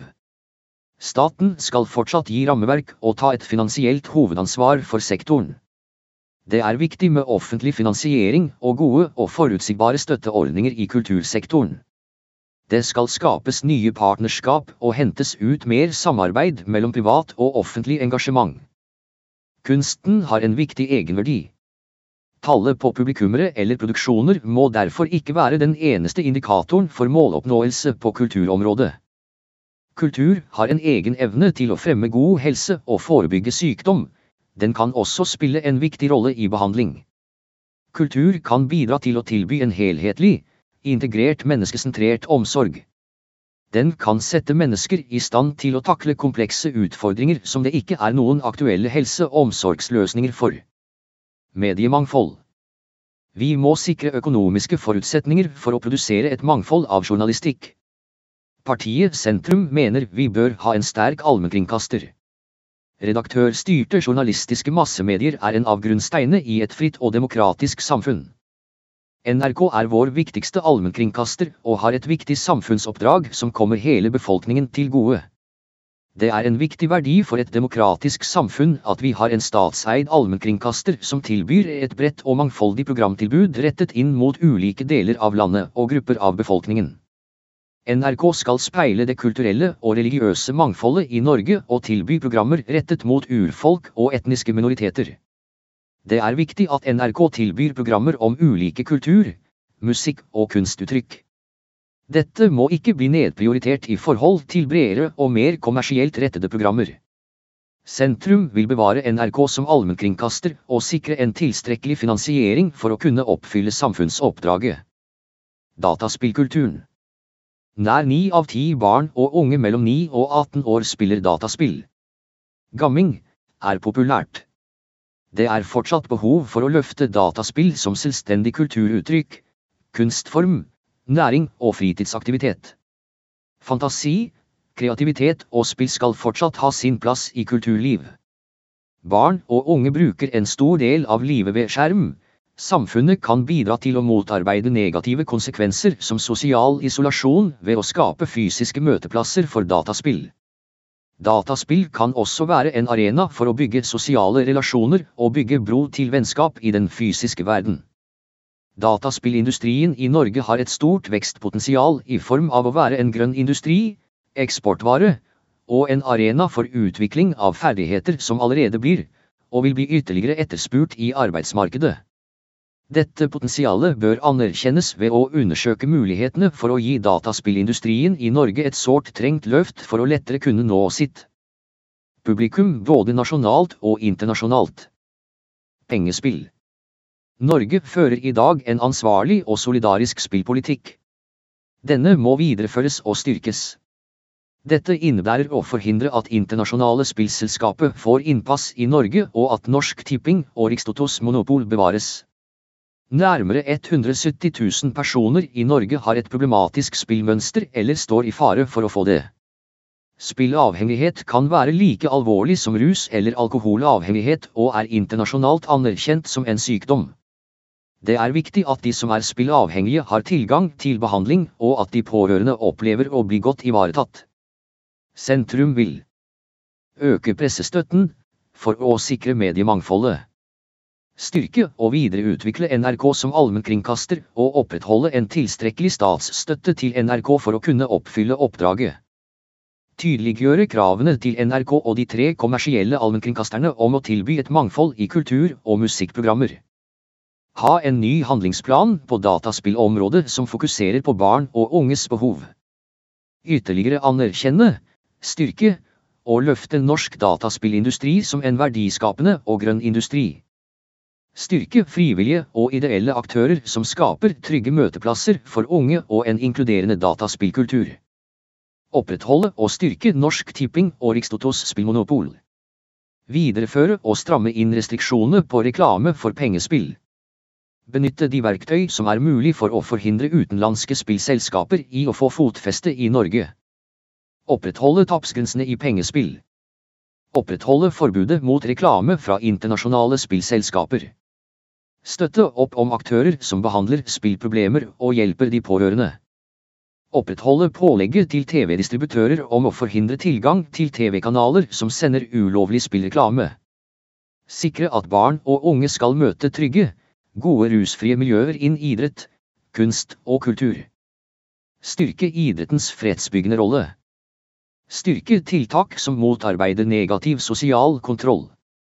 Styrke opplæringa i kvensk og samiske språk, og støtte opp om språkreirtiltak. Styrke opplæring i tegnspråk og døvkultur. Styrke sidemålsundervisninga med tidlig innsats, og styrke nynorsk som hovedmål. Arbeide for at nynorsk fortsatt skal være et levende bruksspråk i Norge. Sikre skoleelever tilgang til et godt utstyrt og bemannet skolebibliotek for å lykkes på skolen fordi et godt skolebibliotek fremmer bedre læring. Sikre bibliotekenes mulighet til å bygge informasjonskompetanse og digitale ferdigheter i alle befolkningsgrupper. Innføre statlig finansiering av nasjonale lisenser og økt støtte til open access-tidsskrifter og avtaler på nasjonalt nivå om tilgang til e-lydbøker på folkebibliotekene. Ha en enklere tilgang til fjernlån av digitale ressurser fra universitet og høyskolebibliotek er nødvendig. Sikre at bibliotekene kan gi tilgang til god og pålitelig helseinformasjon for helsepersonell og innbyggere i hele landet. Gå inn for et løft ved å sette av 1 prosent av statsbudsjettet til kulturformål med en særskilt satsing på barn og unge, med null terskel inn i kulturaktivitet. Videreføre og videreutvikle den lovpålagte kulturskolen, gjøre den mer tilgjengelig for alle barn og unge, samt åpne opp for frivillige og ideelle aktører. Sikre langsiktige finansieringsmodeller for åpne kultur- og aktivitetshus for ungdom. Styrke lønns- og arbeidsvilkår i kultursektoren. Styrke norsk produksjon av musikk, film, dataspill, teater og andre kulturuttrykk. Sikre inntekt for rettighetshavere i de digitaliserte bransjene. Sikre gode rammebetingelser, kvalitet og forutsigbarhet for festivalene. Styrke samhandlingen mellom forvaltningsnivåene, og sikre statlig medfinansiering av lokale og regionale prosjekter tiltak av nasjonal betydning. Videreutvikle den kulturelle bærmeisen, skolesekken og spaserstokken.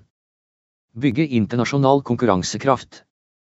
Legge til rette for kunst og kultur i helserelatert behandling, habilitering og rehabilitering.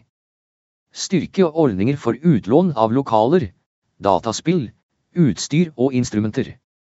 Styrke muligheten for talent og interesseorientert fordypning.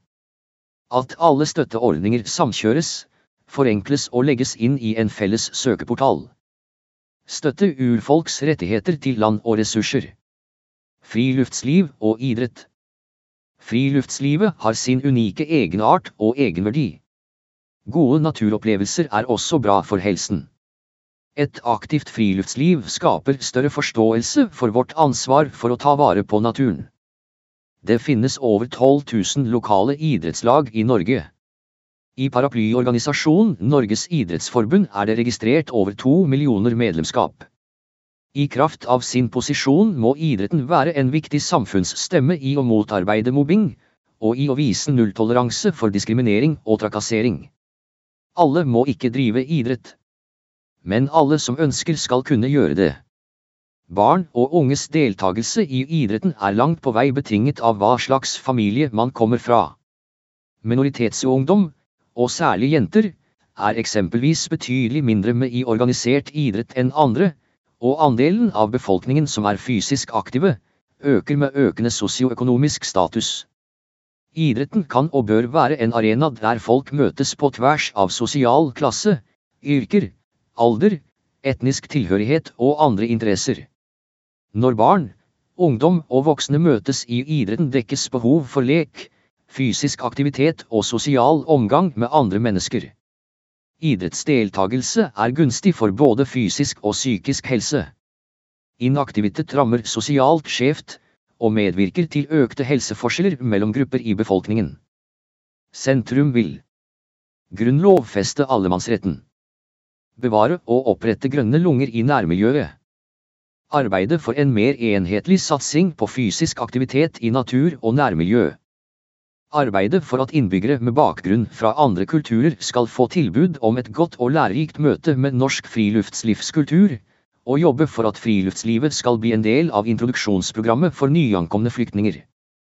Fremme norsk natur som feriemål for landets egne innbyggere, og samtidig legge til rette for at naturbelastningen på populære steder ikke blir for stor. Sikre gode og enkle renovasjonsordninger og sanitærtilbud langs populære turområder, med så små inngrep i naturen som mulig. Støtte prosjekter som vil gjøre friluftsliv lettere tilgjengelig for mennesker med nedsatt funksjonsnivå. Sikre at flere kommuner, selv eller i samarbeid med organisasjoner, etablerer ordninger med utstyrslån for å gi flere mulighet til å delta i friluftslivet. Sikre tilstrekkelig vedlikehold av friluftsområder. Gjøre folk glade i natur gjennom bruk av naturen. Styrke myndighetssamarbeidet lokalt og sentralt i folkehelsespørsmål. At økonomi ikke skal være et hinder for at barn kan delta i idretten. At idretten fortsatt baseres på frivillighet. Det offentliges ansvar er ikke å aktivisere, men å tilrettelegge for at idrettslagene kan tilby aktivitet. Styrke arbeidet for likestilling og inkludering i idretten ytterligere, for å stimulere til et mangfoldig idrettstilbud. Legge mer til rette for egenorganisert idrett, bl.a. ved å etablere ordninger for at flerbrukshaller også kan brukes til uorganisert idrett og fritidstilbud for barn og unge. Bygge flere idrettsanlegg, spesielt der dekningen er lav. At reglene for tildeling av spillemidler må bidra i retning av mer miljøvennlige løsninger, eksempelvis erstatninger for gummigranulat på kunstgressbaner. Styrke arbeidet mot doping og kampfiksing. Doping i toppidretten er svindel og bør som i andre land kunne straffeforfølges. Politiet må gis mulighet til å samarbeide med idrettens antidopingorganisasjoner i etterforskningen av dopingsaker. Møte ulikhetene knyttet til fysisk inaktivitet og sosiale helseforskjeller med å iverksette tiltak som bidrar til at flere samfunnsgrupper kommer i aktivitet. Forske mer på hvordan man lykkes med å motivere og inkludere alle til økt grad av fysisk aktivitet. Stimulere til fysisk aktivitet gjennom å bygge ut nærmiljøanlegg, turløyper og utendørs treningsanlegg som er tilgjengelige for alle. Likestille paradrettsutøvere med andre idrettsutøvere. Det livssynsåpne samfunn. Diskriminering basert på religion er en global trend. Tros- og livssynsfriheten er under press, også i Norge. Politikken som føres må sørge for at enkeltmennesker og grupper behandles som likeverdige. Livssynsåpenhet og religionsdialog spiller en viktig rolle i samfunnet. I et livssynsåpent samfunn erkjenner og respekterer vi mangfoldet av religioner og livssyn. De blir ikke gjemt bort, men er en naturlig del av samfunnet. Trosfriheten gjelder for alle. Samtidig må vi ha rom for religionskritikk, og reflektere rundt spenninger mellom trosfriheten og tangeringer som diskriminering og negativ sosial kontroll. Men ytringsfriheten har også her en grense, den skal ikke misbrukes til å sette ulike religiøse grupper opp mot hverandre. Religion og livssynsorganisasjoner spiller en viktig rolle i samfunnsveven. Partiet Sentrum mener det er viktig å anerkjenne at religion og livssyn betyr mye for den enkelte. For at vi bedre skal forstå hverandre, må man bygge ned frykten for at andre mennesker tror og tenker annerledes enn en selv. Vi tror på dialog mellom mennesker av ulike overbevisninger. Det er viktig å kunne ha et ståsted, men samtidig ha en betingelsesløs åpenhet overfor de som tenker annerledes enn seg selv. Åpenhet og respekt kan være en krevende øvelse, men er avgjørende for at vi lykkes som livssynsåpent samfunn. Målet med dialog behøver ikke være å oppnå enighet, men å bygge åpenhet og respekt. Vi må leve med at noen spørsmål er krevende. Ingen er tjent med at disse spørsmålene blir forenklet. Vi må tørre å reise spørsmålene som dirrer, og vi må tørre å gi rom for annerledeshet. Tros- og livssynssamfunn bidrar til å skape gode lokalsamfunn. Disse fellesskapene bidrar til opplæring for barn og voksne, sosiale aktiviteter, besøkstjenester, møteplasser, leksehjelp, skolefritidstilbud, konflikthåndtering, familierådgivning, språkopplæring, musikk- og kulturaktiviteter og tros- og livssynsdialog.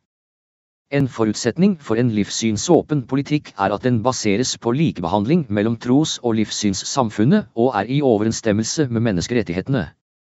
Tros- og livssynsperspektiver må ivaretas i hele samfunnsveven. Det utvidede tros- og livssynsmangfoldet påvirker våre institusjoner, det må fortsatt arbeides for at alle tjenester gjøres likeverdige i alle sektorer når det gjelder å møte menneskers åndelige og eksistensielle behov. Vi må bygge videre på våre gode erfaringer som et funksjonelt uenighetsfellesskap. Det er mulig å oppnå samhold i mangfold. Vi må fortsette samarbeidet på tvers av tros- og livssynsskiller, minoriteter og majoritet. Samarbeidsrådet for tros- og livssynssamfunn, STL, spiller en nøkkelrolle. Det skal være godt å være livssynsminoritet i Norge, også i fremtiden. Den norske kirke er landets største trossamfunn og medlemsorganisasjon. 3,7 millioner innbyggere er medlemmer av kirken. Om lag åtte av ti medlemmer besøker kirken i løpet av året, i sorg, glede, krise eller som en del av ukens aktiviteter. Den norske kirke er til stede over hele landet med over 1200 menigheter med ansatte og frivillige som tilrettelegger for gudstjenester, kulturaktiviteter, omsorgstjenester og tilbud til barn og unge. Kirkens medarbeidere er også viktig for beredskapsarbeidet i Norge, og stiller opp for lokalsamfunn i vanskelige tider. Mange av kirkebyggene er viktige kulturskatter som må vernes. Som folkekirke representerer Den norske kirke en samfunnsinstitusjon som går utover rollen som trossamfunn. Kirken representerer tusen års historie som samlingspunkt og samfunnslim i by og bygd, og spiller en viktig rolle i sorg, glede, hverdag og katastrofe. Den norske kirke med sine kirkebygg spredt over hele landet, er både en viktig kulturarena og kulturaktør der profesjonelle og amatører får opptre sammen. Sjømannskirken møter nordmenn i utlandet og skaper sosiale og kulturelle møtesteder der folk er. Sjømannskirken finnes på alle kontinent, på norsk kontinentalsokkel og har spesialkompetanse på kriseberedskap. Den norske kirke og de kirkelige organisasjoner og institusjoner har historisk vært innovative og løst behov som det offentlige ikke har klart å løse. Også i dag bidrar kirken med Samfunnsbyggende innsats på mange områder innenfor familievern, samtalehjelp, barnehager, eldreomsorg og rusomsorg. Sentrum vil styrke bevisstheten omkring det livssynsåpne samfunn på alle samfunnsplan. Sikre tiltak som fremmer tros- og livssynsdialog. Sikre likeverdige tilbud på tros- og livssynsområdet i alle sektorer. Videreføre prinsippet om tros- og livssynsfrihet samarbeid og tillit til tros- og livssynssamfunnet. Videreføre trossamfunnsloven med dagens støtteordninger til tros- og livssynssamfunn og til Den norske kirke. Videreføre Den norske kirke som en grunnlovsforankret folkekirke. Sikre en forutsigbar finansiering som oppfyller statens forpliktelser til å understøtte Den norske kirkes mulighet til å være en landsdekkende folkekirke. Sikre en forutsigbar finansiering av alle tros- og livssynssamfunn. Stille krav til universell utforming av trossamfunnenes bygninger. Sikre kirkebyggene som viktige kulturminner. Lære hele livet. Partiet Sentrum vil videreføre det verdimessige utgangspunktet for all opplæring, slik det er definert i lovens formål. Opplæringa skal bygge på grunnleggende verdier i kristen og humanistisk arv og tradisjon, slik som respekt for menneskeverdet og naturen, på åndsfridom, nestekjærleik, tilgjeving, likeverd og solidaritet, verdier som òg kommer til uttrykk i ulike religioner og livssyn, og som er forankra i menneskerettene. Utdanningspolitikken er forankret i et menneskesyn med respekt for det enkelte individs menneskeverd og utvikling. I alle systemer er det en iboende fare for at systemet i seg selv blir viktigere enn individene. Partiet Sentrum vil sette mennesker og bærekraft først, også i utdanningssystemet. Begrepsbruk er viktig signal om vektlegging og perspektiv. Begrepene dropouts, bortvelgere, eller pushouts sier noe om det er systemet eller individet som svikter. Dropouts signaliserer at det er eleven som svikter skolen. Bortvelgere signaliserer at individet tar et ansvar når systemet svikter. Pushouts gir assosiasjoner til et system som i praksis støter ut de som ikke passer inn. Sentrum mener at utdanningssystemet må baseres på en likeverdighet mellom det yrkesfaglige og det akademiske utdanningsløpet. Det vil bidra til større mestringsfølelse hos flere og større grad av gjennomføring, og være et positivt bidrag med tanke på unge som sliter med psykiske helseplager. Det er en spesiell utfordring at grunnskolen prioriterer å forberede elevene mest for det studiespesialiserende løpet. Sentrum mener det må tas en grundig gjennomgang av hva elevene blir målt på underveis og ved avslutning av grunnskolen, og hvordan ulike fagområder vektlegges i undervisningen og elevvurderingen. Målet for utdanningspolitikken må dreies fra å få så mange som mulig til å ta høyere akademisk utdanning, til at alle skal få muligheten til å komme inn i arbeidslivet med rett kompetanse til rett tid. En strategi som fremmer livslang læring er avhengig av at utdanningssystemet har gode ordninger og systemer for dette, og at det samtidig er god forståelse og verdsetting av læringen som skjer utenfor den formelle utdanningen. Gode systemer rundt verdsetting av tidligere læring, uansett hvor den har funnet sted, er avgjørende for å gjøre utdanningene fleksible og tilgjengelige. Det må være en reell mulighet å kvalifisere for opptak til eller få godkjent deler av et studium på grunnlag av realkompetansevurdering. Se også KAP. 3.8 Anstendig arbeid. Alle barn og unge skal oppleve mestring. Alle barn og unge har lik rett til å utvikle seg og lik rett til utdanning. Partiet Sentrum vil sikre en inkluderende og rettferdig utdanning som fremmer muligheter for livslang læring for alle. Vi vil sørge for at grupper som i dag har stort frafall i skolen, eller havner utenfor arbeidslivet raskt etter utdanning, best mulig kan mestre eget liv og være aktive deltakere i utdanning, arbeid og samfunnsliv. Sentrum vil sikre at alle elever, lærlinger og studenter, fra en klasse til høyere utdanning, tilegner seg den kompetansen som er nødvendig for å fremme bærekraftig utvikling. I det ligger blant annet å fremme menneskerettigheter, likestilling, og en freds- og ikke-voldskultur, både i barn og unges egen skolehverdag, og som sentrale temaer i opplæringen. Barn og unge er både lokale, nasjonale og globale borgere, og må utdannes til å kjenne både rettighetene og pliktene dette borgerskapet medfører. Dannelse for en bærekraftig fremtid. Barnets beste skal være et grunnleggende hensyn ved alle handlinger som berører barn, slik det slås fast i FNs barnekonvensjon. Det gjelder når rammer for barnehagen og skolen som helhet legges, og når det tas beslutninger som påvirker den enkelte elev eller lærling. Barn og unge har rett til å bli hørt i alle saker som angår dem selv. Globale miljøutfordringer og ny teknologi krever modige og kompetente unge som kan ta initiativ til endringer og være med på å utvikle nye løsninger og tankesett. I en internasjonalisert verden må dannelsesprosjektet i skolen handle om fellesskap, sosial rettferdighet og kultur- og livssynsforståelse. Skolen må trekke inn nye metoder og opplæringsprogrammer som støtter en bærekraftig utvikling, lokalt og globalt. Kunnskapsutviklingen må preges av en kunnskapsbasert og bred forståelse av kreativ tenkning inn alle fagområder. Fagfornyelsen som førte til nye læreplaner fra 2020 og 2021 trekker skolen i riktig retning. De tverrfaglige temaene gir økt fokus på sentrale fellesverdier for hele samfunnet vårt, som demokrati og bærekraft. De tverrfaglige temaene bidrar også til å forberede eleven og lærlingen på livet etter skolen, og på kompetansen som vil etterspørres i voksen- og arbeidslivet. Det må gjenspeiles også i sluttvurderinger og i fag- og timefordeling. Sentrum vil sørge for at skolens dannelsesoppdrag i formålsparagrafen får reell plass i skolehverdagen. Satse på god praksis og riktige insentiver for opptak på grunnlag av realkompetanse. Styrke verdsetting av erfaringsbasert kompetanse. Det må settes inn mer ressurser på yrkesprøving for å vurdere realkompetanse. Investeres tilstrekkelige ressurser for at det formelle utdanningssystemet aktivt skal bidra til livslang læring. Individers evne til å betale skal ikke være et kriterium for å bli realkompetansevurdert.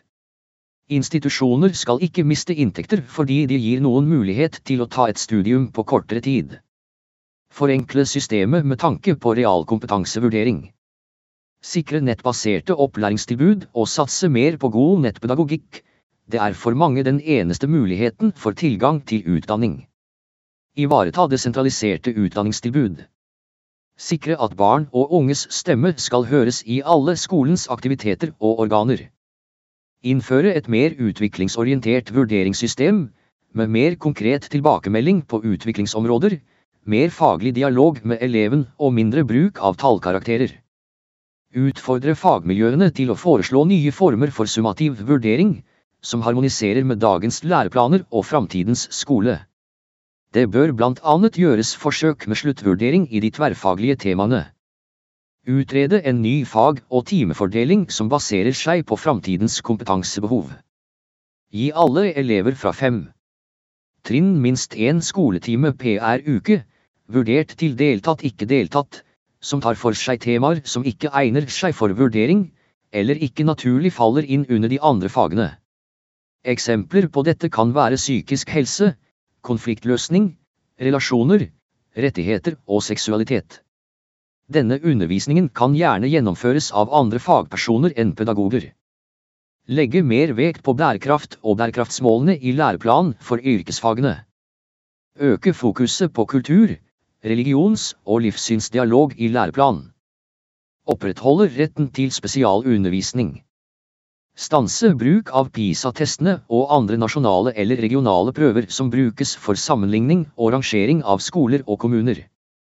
Beholde nasjonale prøver som kartleggingsprøver, med tilhørende verktøy for å løfte den enkelte eleven. Resultatene på prøvene skal ikke offentliggjøres.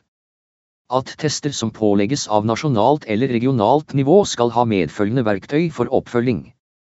Intensivere innsatsen for å veilede ungdommer inn i utdanninger samfunnet trenger.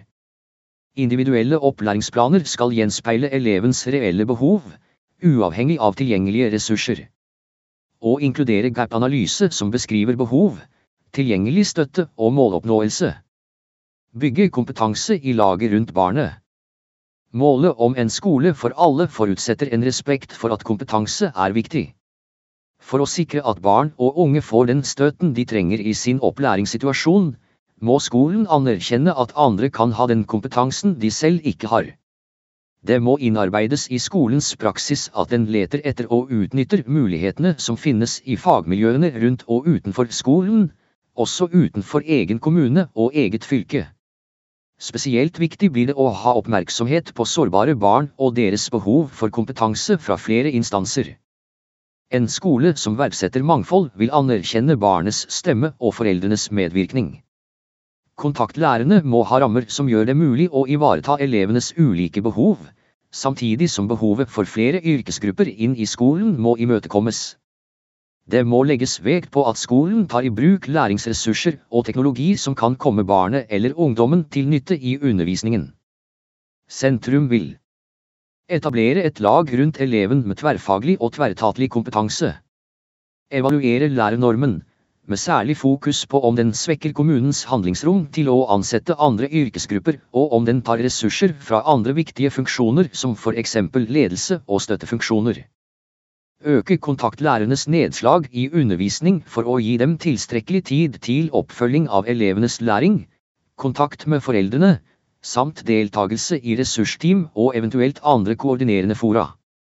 Styrke pedagogisk-psykologisk tjeneste, PPT, i kommun og fylkeskommun med både ressurser og kompetanse, og sørge for at tjenesten får en tydeligere og mer aktiv plass i tjenestekjeden rundt barnet.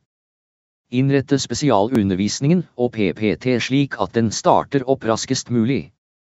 Formalisere, Styrke og gi myndighet til koordinatoren for sårbare barn og ungdom som har behov for tjenester og bistand fra flere instanser. Etablere en nasjonal enhet for kompetanseheving av koordinatorene, en base der de kan hente støtte og veiledning. Videreføre spesialpedagogikk som et obligatorisk fag i lærerutdanningene. Arbeide for at demokratisk beredskap mot rasisme, antisemittisme og udemokratiske holdninger, dem bra, blir en del av lærerutdanningen. Sikre elevers rett til språkutvikling på tegnspråk, alternativ supplerende kommunikasjon, ASK, og samisk. Sikre at spesialundervisning gis av ansatte med spesialpedagogisk kompetanse. At alle skoler skal ha tilgang til en sosiallærerressurs, og annen helse- og sosialfaglig kompetanse. Etablere en ordning for videre utdanning av skoleledere på lik linje med kompetanse for kvalitet. Reversere kravet om at lærere i barneskolen som hadde godkjent lærerutdanning da de startet sin lærergjerning, må ta formell tilleggsutdanning for å bevare sin status som kvalifisert lærer. Fjerne kravet om minimum karakteren 4 i matematikk for å være kvalifisert for lærerutdanning. Gi alle nyutdannede lærere i barnehage, grunnskole og videregående skole rett til kvalifisert veiledning de to første årene av sin første lærerjobb, med nasjonale krav til omfang, rammer og kompetanse hos veilederne. Endre PPU-utdanningen Praktisk pedagogisk utdanning. Ved mastergrad fortsetter PPU-utdanningen som ettårig, men med mulighet for toårig PPU-studie for de uten master.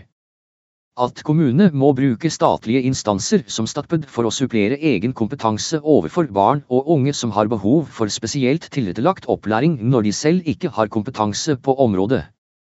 La barn være barn. Når fem- og seksåringer begynner i skolen, skal de møte en skole som er tilpasset dem. Pedagogikken for skolestarterne må hente det beste fra to tradisjoner, altså barnehage og skole, slik intensjon var da seksårsreformen kom. Barnas lek må være et sentralt element. Barnehage, skole og skolefritidsordning har alle hver sin egenart og hver sine oppgaver som skal ivaretas. Samarbeid mellom institusjonene er viktig for ivaretakelse av barna. Barnehagen er viktig for barne- og familieliv, for likestilling og for sosial- og integreringsarbeidet. Omsorg er livsnødvendig, og en av barnehagens fire lovpålagte oppgaver. Kunnskap om de aller yngste barna og deres særlige behov for omsorg, trygghet og tilknytning som basis for livet må styrkes i utdanninger for yrker i barnehagen, og få økt oppmerksomhet av myndigheter og forskningsmiljøer. Sentrum vil innføre en helt ny pedagogikk for en trinn i tråd med intensjon i seksårsreformen, der sosial trygghet, språk og praktiske ferdigheter styrkes gjennom fri lek og voksenstyrte aktiviteter som er tilpasset de yngste barnas behov og nivå. Redusere krav til stille SIT-ting, teoretisk kunnskap og fokus på prestasjoner de første skoleårene, slik at alle barn kan mestre felles aktiviteter, styrke selvtillit og selvfølelse og unngå tidlige nederlag og utenforskap. At barnehagelærere med videre utdanning i begynneropplæring skal kunne ansettes i skolen, og undervise på en og to trinn. Styrke kompetansen om barnehagepedagogikk blant grunnskolelærere. Stille krav til pedagogisk kompetanse for daglig ledelse av SFO. At barn fra offentlige skoler og skoler regulert etter friskoleloven skal ha samme økonomiske betingelser for deltakelse i SFO. Styrke barnehagens omsorgs- og danningsoppgaver og lekens sentrale plass i barnehagen. At barnehagebarn tidlig blir kjent med et mangfold av kulturbakgrunner og livssyn, primært gjennom naturlige og dagligdagse møter og samspill, men også i planlagte former. Øke forståelsen for at barnehagens skoleforberedende oppgave ivaretas gjennom barnehagens pedagogikk, ikke ved tilpasning til skolens pedagogikk og planer. Styrke barnehagelærernormen slik at en barnehagelærer pedagogisk leder ikke skal ha ansvaret for mer enn seks barn under tre år og tolv barn over tre år. Arbeide for et kompetansesystem for barnehagen som sikrer barnehagelærere og fagarbeidere etter- og videreutdanning. At kartlegging av barnehagebarns språkferdigheter og andre forhold bare gjøres når det er nødvendig for å ivareta barnets spesielle behov. Styrke støtte og integreringsordninger som veileder barnefamilier med asyl- og minoritetsbakgrunn, og som erfarer hindringer i å sende barn i barnehagen. Evaluere ordninger for hjem-skole-samarbeidet og for foresattes medvirkning på ulike nivå, både i barnehage, SFO og skole. En inkluderende skole for alle. Det skal være plass til alle i den norske skolen. Et inkluderende og trygt skolemiljø krever systematisk innsats, både på det fysiske og det psykososiale området. Det kreves stadig ny kompetanse for å ta i bruk kreative læringsformer og varierte undervisningsmetoder. Et mangfold av egenskaper og kompetanse er et gode for både den enkelte og for samfunnet. Elever og lærlinger skal utfordres og støttes i å utvikle seg ut fra egne premisser, uansett funksjonsevne, bakgrunn og interesser. En bred dekning av både praktiske, Estetiske og teoretiske fag i hele skoleløpet og gode yrkesfaglige fagtilbud er viktige virkemidler for å ivareta dette. Lekser oppleves som en belastning for mange elever og familier. Vi lærer best når vi opplever gode følelser, og leksesituasjonen er dessverre for mange lite motiverende, enten det er på grunn av manglende mestring, mangel på fritid eller begrensede muligheter til støtte fra hjemmet. På den annen side kan lekser ha positiv effekt når de benyttes på riktig måte, eksempel med tanke på hjem-skole-samarbeid og lesetrening. Sentrum vil derfor utfordre skolemyndighetene til å gjennomføre forsøk med leksefrie skoler, med fokus på både læringsutbytte, sosial reproduksjon, motivasjon og barns trivsel. Et slikt forsøk kan gi både skolemyndigheter og pedagoger et godt grunnlag for drøftinger om hensikten med lekser og kost-nytte-effekter, samt eventuelt gi gode retningslinjer og suksesshistorier. Det kan være fristende å peke på heldagsskolen for å løse flere utfordringer. Den ene er hvordan lekser og annet hjemmearbeid reproduserer sosiale ulikheter, fordi hjemmene har ulike forutsetninger for å bidra. En annen er familienes tidsklemme, og at det kan virke forlokkende at barna er ferdige med fritidsaktiviteter når de kommer hjem. Sentrum tror likevel ikke at heldagsskole er løsningen. En heldagsskole fratar familiene valgfrihet til å tenke ulikt om behov og prioriteringer. En heldagsskole som inkluderer fritidsaktiviteter vil ødelegge for det enorme frivillige engasjementet som finnes i dag, og også frata de voksne og familiene felles sosiale møteplasser. Sentrum vil Gi alle barn og ungdom rett til å gå på sin nærskole. Sikre at mennesker med nedsatt funksjonsevne på lik linje med andre får tilgang til det fysiske miljøet, til transport, og til informasjons- og kommunikasjonsteknologi. Hindre frafall av elever med praktiske egenskaper og interesser gjennom mer praktisk orienterte kompetansemål, både i praktisk-estetiske fag og i tradisjonelt teoretiske fag. Sikre et mangfold av karriererådgivere i ungdomsskolen og videregående skole, som gjenspeiler elevenes bakgrunn og behov. Styrke samarbeidet mellom skole og næringsliv med tanke på innovasjon og entreprenørskap. Styrke tilgangen til lærlingeplasser. Styrke yrkesfagene og yrkesfaglig retning både i ungdomsskole og videregående skole. Beholde muligheten for å gå videregående utdanning over fire år og videreføre mulighet til et påbyggingsår. Prøve ut den svenske folkehøyskolemodellen som gjør det mulig å fullføre videregående skole basert på folkehøyskolepedagogikk. At inntaksordningene i videregående opplæring i størst mulig grad skal gi alle elever likeverdige muligheter til å velge utdanningsprogram og skole ut fra evner og interesser. Sette strengere krav til lærings- og arbeidsmiljøet for elever. Gi flest mulig et reelt tilbud om folkehøyskole, annet ved å støtte tilrettelegging med tanke på elever med funksjonsnedsettelser. Styrke fellesskolen for å unngå utenforskap. Ivareta foreldres rett til å velge alternativ grunnskoleopplæring for sine barn, ved å sikre tilskudd til friskoler basert på alternativ pedagogikk eller livssyn. Eiere av friskoler skal fortsatt ikke kunne ta ut utbytte. Friskolene skal være underlagt offentlig oppfølging og kontroll for å unngå segregering, polarisering og fremmedgjøring. Gjennomføre flere forsøk med leksefri skole. At så lenge det gis lekser i skolen, skal det finnes tilbud om leksehjelp av god kvalitet, både for barne- og ungdomsskolen. Finne andre løsninger enn heldagsskole som verktøy for å utjevne sosiale forskjeller. Innføre tegnspråk som valgfag på ungdomsskolen. Studentvelferd, forskning og høyere utdanning. Høyere utdanningssektoren, UH-sektoren, er nøkkelen til omstilling for at Norge og verden skal nå FNs bærekraftsmål. UH-sektoren bidrar med forskning, utdanning og formidling av forskningsbasert kunnskap til alle deler av samfunnet. Kunnskap er en av nøklene til et verdiliv for individet, og en bærekraftig fremtid for samfunnet. I dag er det behov for å gjøre den kunnskapen som universiteter og høyskoler har mer tilgjengelig. Mennesker i alle aldre og situasjoner ønsker å benytte seg av tilbudet om høyere utdanning, både inn- og utenlands. Det er derfor viktig at vi har et tilbud om høyere utdanning som tar høyde for nettopp dette, ved å tilrettelegge for at alle som ønsker det, skal kunne ta høyere utdanning, uavhengig av hvilken livssituasjon man er i. Partiet Sentrum mener det er et behov for mer variasjon i UH-sektoren. I dagens styringsregime av universitetene og høyskolene er det for få mekanismer som åpner for differensiering i sektoren, og det oppfordres i liten grad til ulikhet.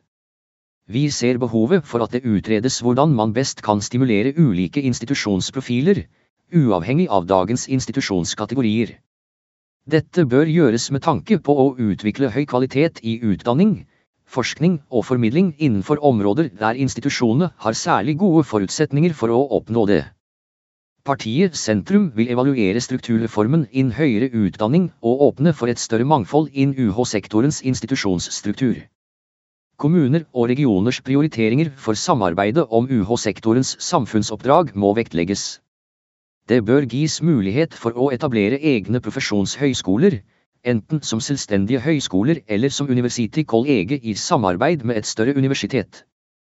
Vi vil styrke fagskolene og legge til rette for at fagskoleutdanning kan inngå i en bachelorgrad ved en samarbeidende høyskole eller et universitet. Det bør etterstrebes en styringsstruktur, særlig med tanke på regelverk, som er mer oversiktlig og mindre inngripende enn tilfellet er i dag. Det bør vises tilbakeholdenhet med å begrense institusjonenes handlingsrom uten at dette er nøye vurdert som formålstjenlig og nødvendig i tråd utredningsinstruksen. Derfor bør også de ulike styringsvirkemidlene gjennomgås for å sikre at disse i sum ikke gir et styringstrykk som er utilsiktet høyt. Utdanningsinstitusjonene har i selv det primære ansvaret for kvalitet og relevans på læringsutbytte til alle sine utdanninger. Vi mener at for høy grad av sentral detaljstyring av utdanningenes innhold kan ha en negativ effekt på institusjonenes arbeid med pedagogisk og faglig utvikling, og dermed potensielt på kvalitetsarbeidet. Det er også svært viktig å kvalitetssikre den utdanningen vi tilbyr i Norge, samt den utdanningen nordmenn tar i utlandet. Dette for å sikre at den investeringen man gjør ved å ta høyere utdanning fører med seg de personlige og samfunnsmessige godene vi forventer.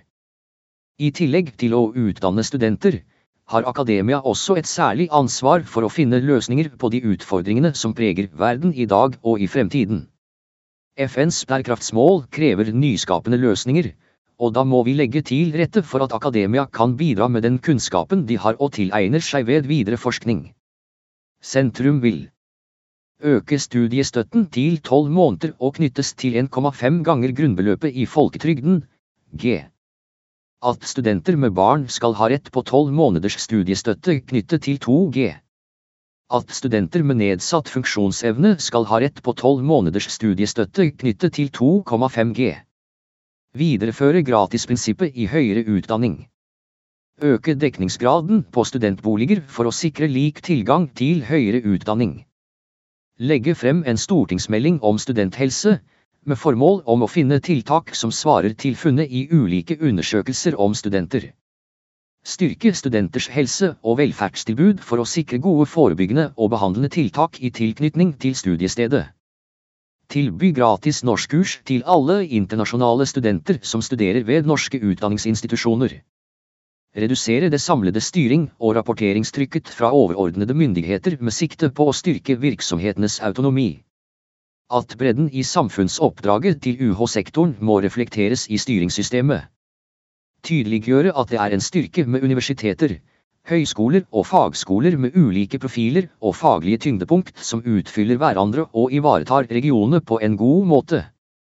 Innføre en mer oversiktlig ordning for godkjenning og autorisasjon av utdanning tatt i utlandet.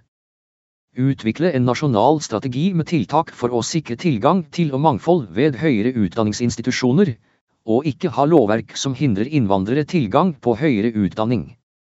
Legge til rette for utenlandsstudier, men samtidig sørge for at Norge har tilstrekkelig utdanningskapasitet for ulike yrkesgrupper. Styrke muligheter for høyere utdanning i distriktene. Utvikle mer treffsikre opptakskriterier og metoder til attraktive studier enn karakterer alene. Gi studenter rett til dagpenger eller en tilsvarende kompensasjonsordning ved permittering fra deltidsjobb. Innføre en nasjonal kollektivrabatt for studenter på minimum 50% som er uavhengig av alder, bosted og studiested. Bedre lønnsprogresjon og startlønna for stipendiater. Utvikle en generell norm for belønning av undervisning på linje med forskning og publisering. Stille krav om studentdeltagelse i flere prosjekter som er finansiert av Norges forskningsråd. Sørge for tettere samarbeid mellom myndigheter og forskningsmiljøer for å bidra til kunnskapsbaserte beslutninger og beredskap. Videreutvikle og etablere kritisk infrastruktur for forskning og overvåking.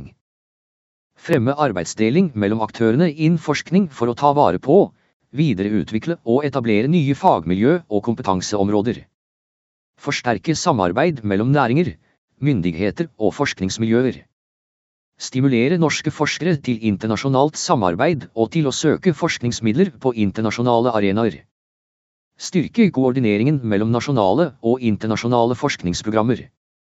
Bruke bilaterale forskningsavtaler til å fremme forskningskvalitet, bidra til utvikling og kunnskapsdeling, og til å åpne markeder for norsk næringsliv. Likebehandle private og offentlige aktører innen sektoren. Fremme fleksible undervisningsformer i høyere utdanning, med tanke på hel- og deltidsstudier, campus- og fjernstudenter, digitalt og fysisk nærvær. Gi forskningsmiljøene gode og forutsigbare rammebetingelser for fri forskning med fokus på klima og bærekraft.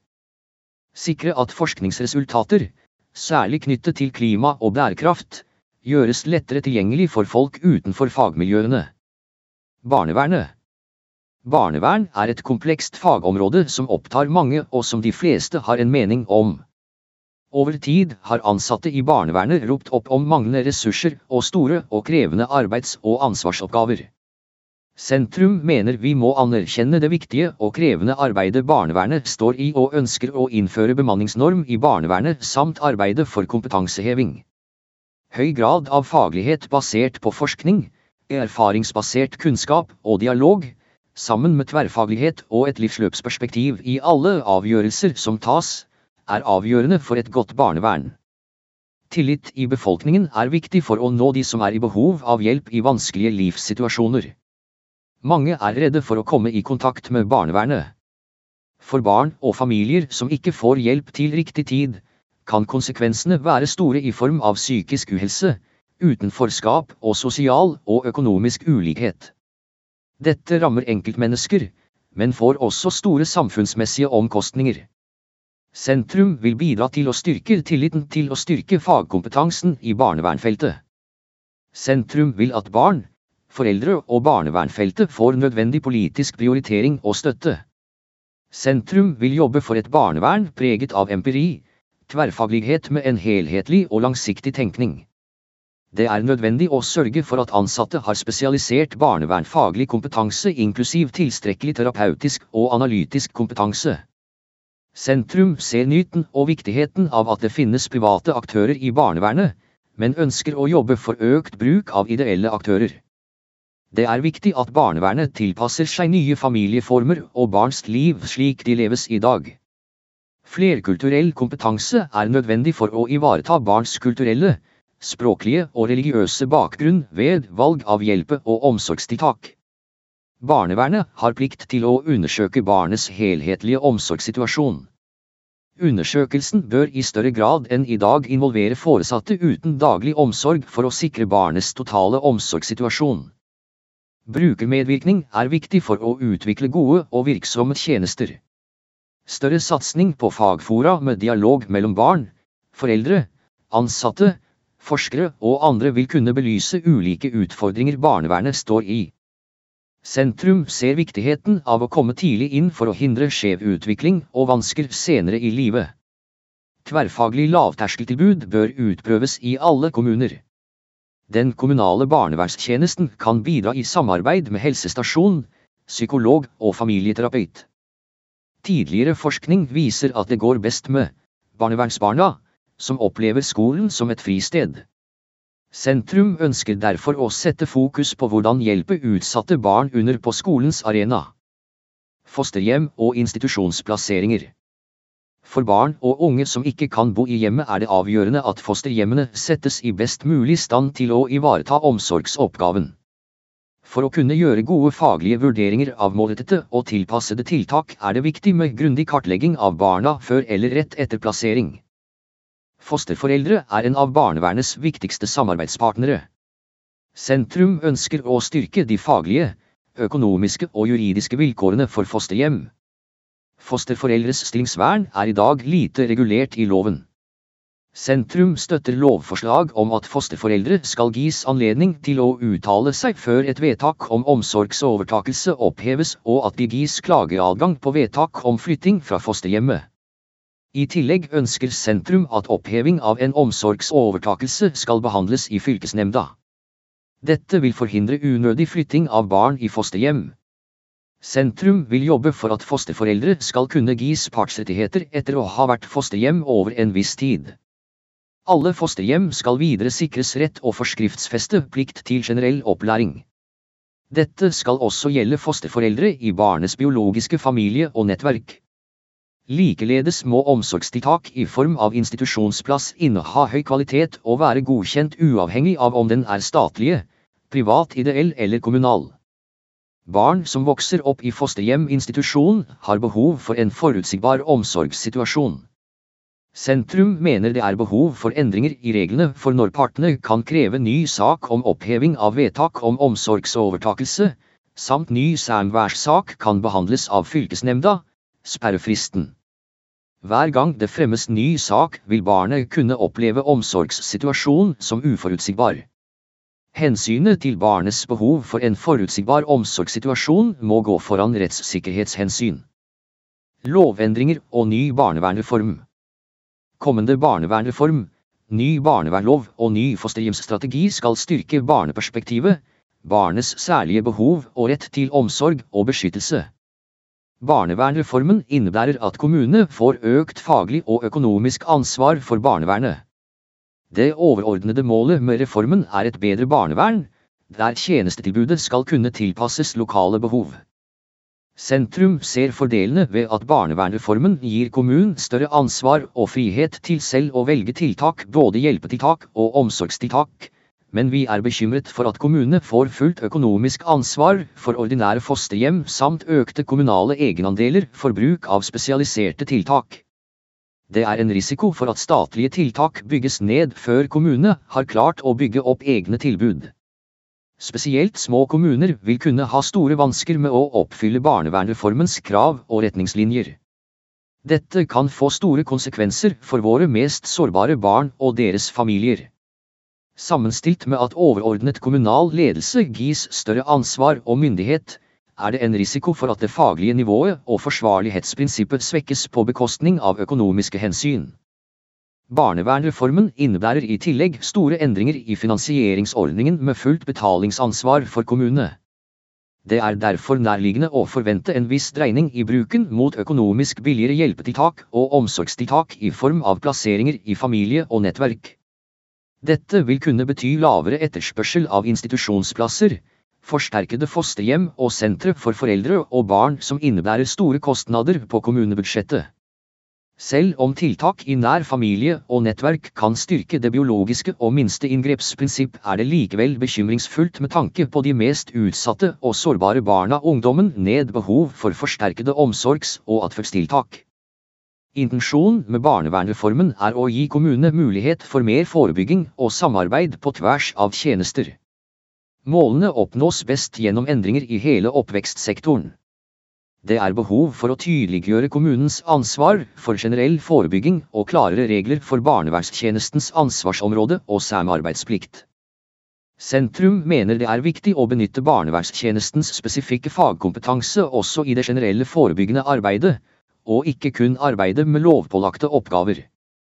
Sentrum vil skape gode rammevilkår for de ansatte i barnevernstjenesten gjennom innføring av bemanningsnorm og kompetanseheving Innføre rett og plikt til å motta regelmessig saks- og prosessveiledning for alle ansatte i kommunale barnevernstjenesten. Styrke kommunens lavterskeltilbud og primærforebyggende arbeid gjennom lovfesting av retten til foreldreveiledningstilbud og tverrfaglig tidlig hjelp for å hindre utvikling av problematferd og omsorgssvikt. Styrke kompetanseheving på flerkulturelt barnevern.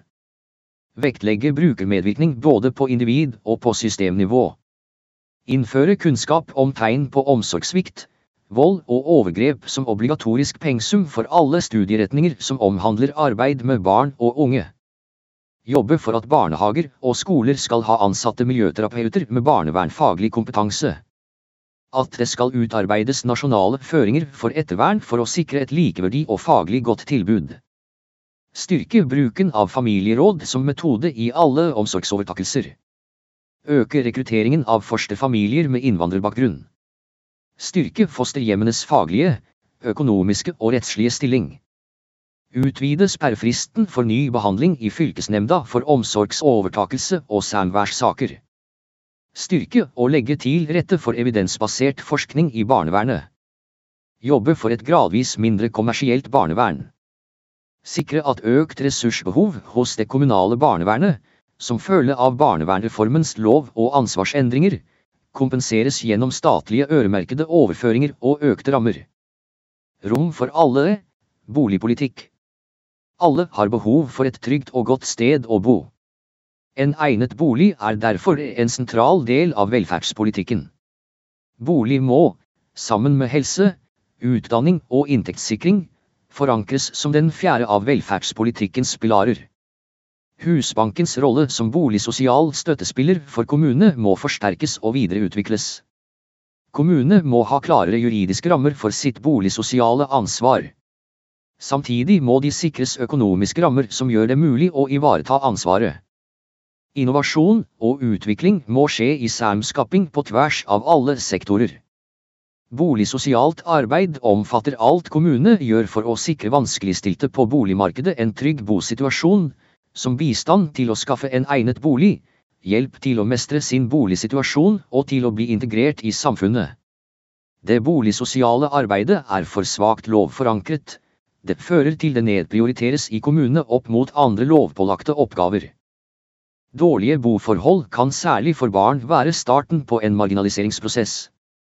Kommunen må ha som mål å legge til rette for sosial inkludering og sikre gode levekår for barn og unge. Både stat og kommune må ta ansvar og yte innsats i dette arbeidet. Sosial bærekraft i boligpolitikken handler om å ta boligsosiale hensyn i kommunal planlegging. Ved å sikre nye etableringsmodeller og leieboliger i boligprosjekter, i et samspill mellom oppdragsgiver og utbygger. Husbankens låneordninger må understøtte dette. Stadig flere har ikke mulighet til å bli eier av den boligen de trenger, til tross for at de er i full jobb med vanlig inntekt. Høye boligpriser i byene sammen med kravet til egenkapital på 15% gjør det svært vanskelig for unge å kjøpe sin første bolig. For par er selv to fulle BSU-konti langt under halvparten av den egenkapitalen som trengs for en toroms leilighet i byene. Partiet Sentrum mener vi trenger en økt innsats på sosial boligbygging som sikrer unge i etableringsfasen et trygt sted å bo, der unge ikke presses til utleiemarkedet. Gode boliger og gode boområder forebygger kriminalitet og frafall i utdanning. Å satse på en sosial boligpolitikk vil lønne seg. Sentrum vil ha en handlingsplan for ung boligpolitikk med mål om å legge til rette for at unge i etableringsfasen kan bosette seg der de ønsker.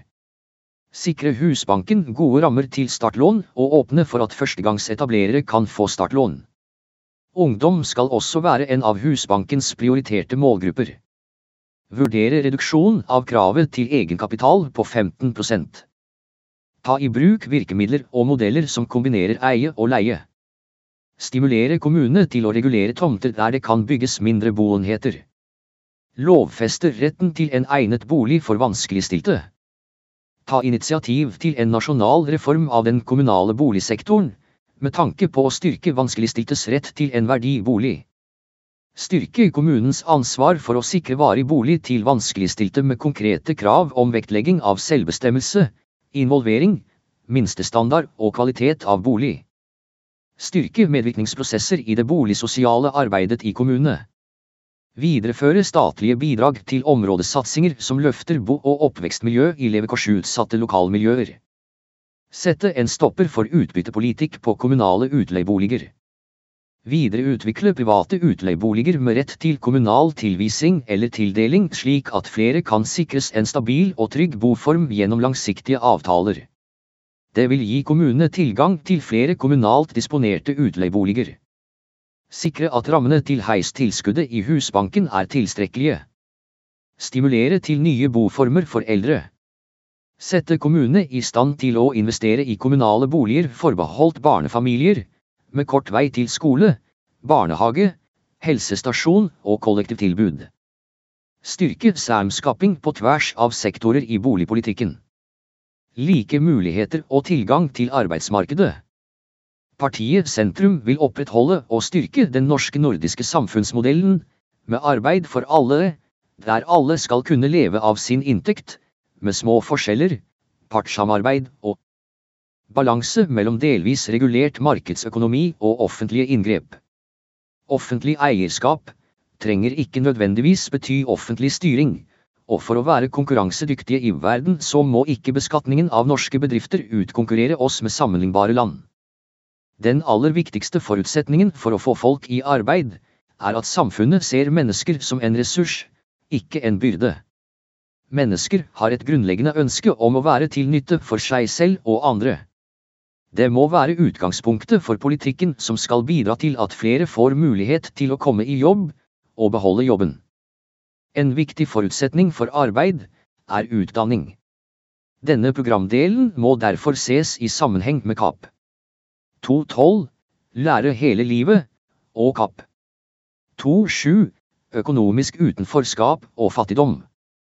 Dyktige fagarbeidere er avgjørende for at vi skal klare å øke produktiviteten i årene som kommer, og med det opprettholde gode velferdsordninger. Det er viktig å sikre nok læreplasser slik at arbeidslivet får den kompetansen det har behov for fremover. I 2030 vil det være et kraftig underskudd på 171 000 fagarbeidere innen ulike kategorier i Norge, mens det vil være store overskudd på de med høyere utdanning og de med bare grunnskole. Innsatsen for å veilede ungdom inn i utdanninger samfunnet trenger må styrkes. Lik rett til yrkesrettet fagopplæring må på plass. Elever med lærevansker har stort utbytte av praktisk, yrkesrettet fagopplæring. Likevel får de ikke muligheten for dette i alle fylker. Koronakrisen har rammet de unge særlig hardt når det gjelder arbeidsledighet, og i starten av pandemien ble det nær en tredobling av unge arbeidsledige. Blant ungdom fra 20 til 24 år er arbeidsledigheten hele 11% og arbeidsledigheten er dermed størst blant unge. Unge arbeidsledige har større risiko for å bli arbeidsledige senere i livet. Arbeidsforberedende tiltak AFT, er ikke tilstrekkelig prioritert. Stortinget bevilger ikke penger til nok plasser i tiltaket. Arbeid gir selvtillit og mestring for den enkelte. Mange mennesker lever med langvarige psykiske helseutfordringer. Først jobb, så trening, place on train, bør være et førende prinsipp for arbeidsinkluderingen. Supported employment, C, er jobbstøtte tilpasset personer med omfattende og sammensatte støttebehov for å kunne få og beholde jobb. C er en metodikk som må brukes i større grad, gjerne sammen med beslektede individual placement on support, IPS. Det vil utløse flere menneskelige ressurser i det ordinære arbeidslivet. Arbeid og aktivitet har en helsefremmende effekt og er et viktig utgangspunkt for å, for å oppleve mestring og en meningsfull hverdag, og for å unngå passivitet og isolasjon. I dag er det for mange som ikke kommer seg ut i jobb eller klarer å beholde arbeidet på grunn av ulike former for funksjonsnedsettelser. Det å tilrettelegge for arbeidsrettede tiltak er svært viktig da det har stor betydning for helse og livskvalitet. Det er behov for å se samlet på virkemidlene i Nav, fylkeskommunen som eier av videregående skole, kommunen, bransjekontor og arbeidsmarkedsbedrifter for å skreddersy gode løsninger for enkeltindivider. Mange mennesker med helseutfordringer får ikke del i arbeidets goder og muligheter. Det er fortsatt behov for å bekjempe stigma og styrke kunnskapen om ulike helseutfordringer i behandlingsapparatet, blant arbeidsgivere og i befolkningen. Det er behov for støttetilbud i alle kommuner som gir muligheter for en gradvis tilknytning til arbeidslivet, som fontenehus.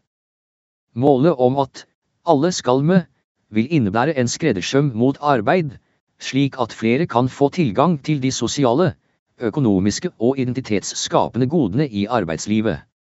Samtidig må samfunnet vise solidaritet med de av oss som står langt utenfor arbeidslivet og der arbeid ikke er et mål i livet. Yrkesdeltakelsen for en del innvandrergrupper er langt lavere enn i befolkningen ellers. Dette gjelder særlig innvandrere som kommer som flyktninger eller på familiegjenforening. Her trengs målrettet innsats. Mennesker som har erfaring med det norske systemet kan være en ressurs for de som har kortere botid i Norge. Åtte av ti utviklingshemmede mellom 18 og 25 år har ikke jobb. Hvert år går det ut 800 elever med et sannsynlig behov for tilrettelagt arbeid. Siden 2009 har det kun kommet til i snitt 300 nye jobber per år. Med andre ord er det en solid mangel på jobber, og køene vokser. En stor andel av døve er utenfor arbeidsmarkedet, er uføretrygdet og flere sliter med psykisk uhelse. Sentrum vil redusere arbeidsledigheten blant unge etter pandemien med forsterkede tiltak. Styrke arbeidsinkluderende tiltak for mennesker med psykiske helseutfordringer som baserer seg på Place on Train, som Supported Employment, C, og Individual Placement on Support, IPS. Øke rammen til arbeidsforberedende tiltak, AFT. Bekjempe stigma og styrke kunnskapen om ulike helseutfordringer i behandlingsapparatet, blant arbeidsgivere og i befolkningen. Øke bevilgningene til fontenehus i tråd med behov i kommunene. Integrere arbeid i behandlings- og oppfølgingstilbud, særlig innen psykisk helsevern og tverrfaglig spesialisert rusbehandling. Innføre en jobbgaranti for utviklingshemmede som kan og vil jobbe etter endt skolegang. Sikre at arbeidsforberedende trening prioriteres, og at de personer som trenger det, får tilbudet. Stortinget må presisere at det ikke er et krav om overgang til arbeid på minst 50% men et mål.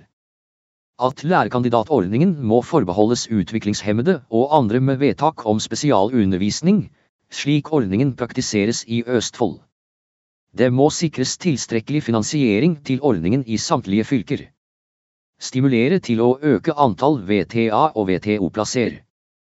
Sikre forskning på tiltaket varig tilrettelagt ordinær virksomhet for å dokumentere hvordan det går med arbeidstakerne, og hva slags oppfølging som gis. Sikre retten til arbeid for de utrenerbare asylsøkerne fram til retur blir mulig. Legge til rette for at eldre kan jobbe lenger. Arbeide for at døve skal ha likeverdig tilgang til arbeidslivet. Øke rammen for tilskuddsordningen for sosiale entreprenører. Gi mulighet for språktrening uten å miste annen økonomisk støtte, eksempelvis dagpenger kontantstøtte. Styrke innsatsen for å få flere med redusert funksjonsevne i arbeid. En likeverdig offentlig helsetjeneste. Sentrum vil ha en likeverdig offentlig helsetjeneste i Norge og bremse utviklingen av de sosiale forskjeller i helse. Mennesker må bli sett, hørt og forstått som hele mennesker i møte med helsetjenesten. Folk er mer enn en diagnose. Det psykiske helsetilbudet må forsterkes, sammen med habilitering og rehabiliteringsfeltet. Det vil redusere bruken av en kostnadskrevende spesialisthelsetjeneste. Pårørende som ressurs. Pårørende ønsker ofte råd om hvordan han eller hun kan hjelpe den som strever, men også råd om hvordan han eller hun kan hjelpe seg selv. Mange etterlyser et godt behandlingstilbud for den de er pårørende til, og de har spørsmål om pasient- og brukerrettigheter. Men også spørsmål om pårørendes rettigheter. Pårørende til syke og eldre yter nesten like mange årsverk som våre helseansatte gjør, den største pårørendegruppen er mellom 40 til 70 år. Det understreker at denne omsorg er kritisk viktig å beholde, og viktig å ivareta. For pårørende skal også leve egne liv, med jobb eller utdanning, uten at de straffes økonomisk. Fremover vil helsepersonell være en knapp ressurs. Derfor må vi finne gode løsninger, slik at pårørende har mulighet til å kombinere omsorg med yrkesaktivitet. Barn skal ikke ha omsorgsansvar for familiemedlemmer eller andre. Pårørende medvirkningen må styrkes. Når en i familien opplever sykdom eller kriser er dette utfordrende for resten av familien. I tillegg til å legge til rette for at pårørende skal være en ressurs, er det stort behov for at pårørende har tilbud om samtaler, omsorg og veiledning. Sentrum vil Legge til rette for mer fleksible omsorgsdager og pleiepengeordning for syke. Styrke retten til velferdspermisjon og andre fleksible ordninger.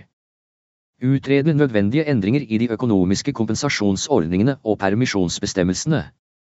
Utvide retten til permisjon, for å gi nødvendig omsorg til foreldre, ektefelle, samboer eller registrert partner, fra 10 til 20 dager lønnet permisjon.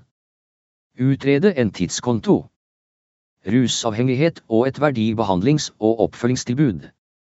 Rusbruk er ofte forårsaket av livets smerte. Derfor må mennesker som strever med rusavhengighet bli møtt med forståelse i lys av hva de har opplevd. Helsetjenesten må møte folk som hele mennesker og strekke seg langt for å forstå hva som ligger bak smerten. Ruspolitikken må være kunnskapsbasert og legge særskilt vekt på det forebyggende arbeidet. Den må redusere skade og fremme god helse for de som sliter. FNs kontor for narkotika og kriminalitet, UNOG, og Verdens helseorganisasjon, WHO, har tatt til orde for en endring av tolkningen av narkotikakonvensjonene. FNs spesialrapporter for retten til helse mener at statene bør avkriminalisere bruk og besittelse av narkotika til egen bruk, da strafflegging anses som et hinder for å yte god helsehjelp til utsatte grupper.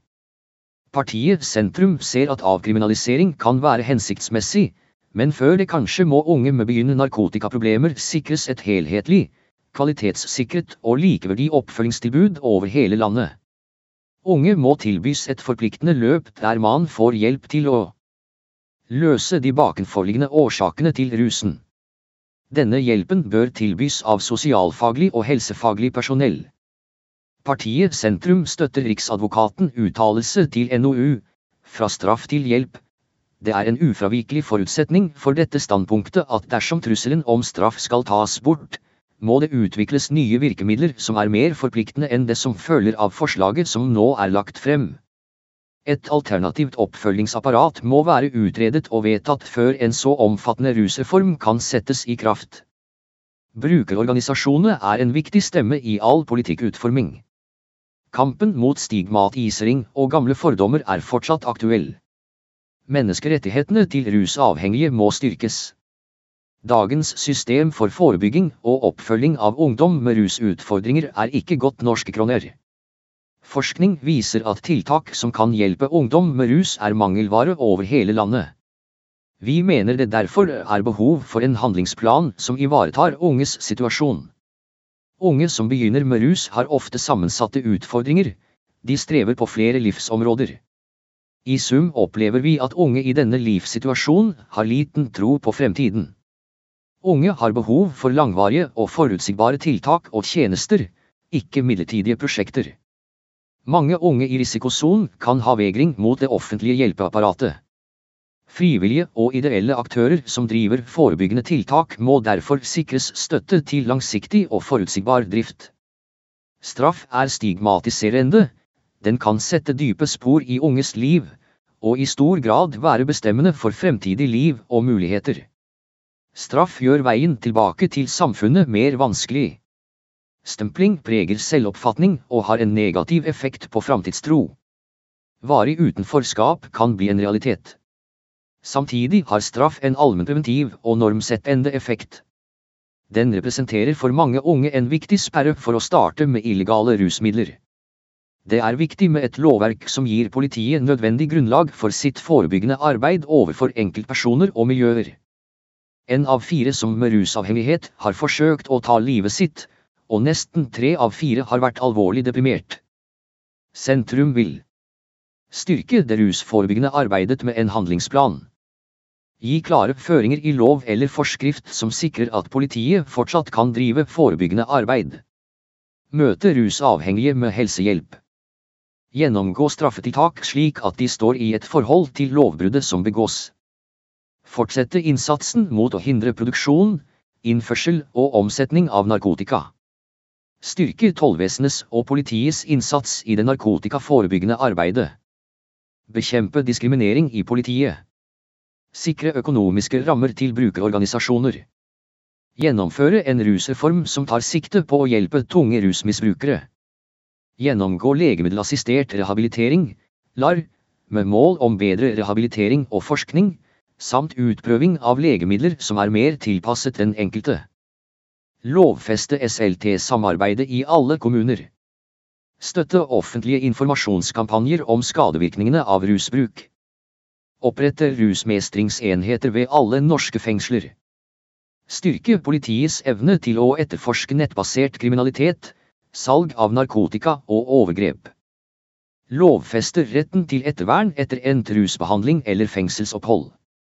Sikre kvinner i aktiv rus et krisesentertilbud. Styrke behandlingstilbudet i spesialisthelsetjenesten med fokus på tverrfaglig spesialisert medisinsk, psykologisk og sosialfaglig tilbud.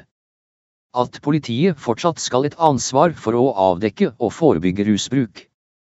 Øke bruken av alternative reaksjoner for personer med rusproblemer som begår kriminelle handlinger, som narkotikaprogram med domstolskontroll, tolv soning og ek-soning.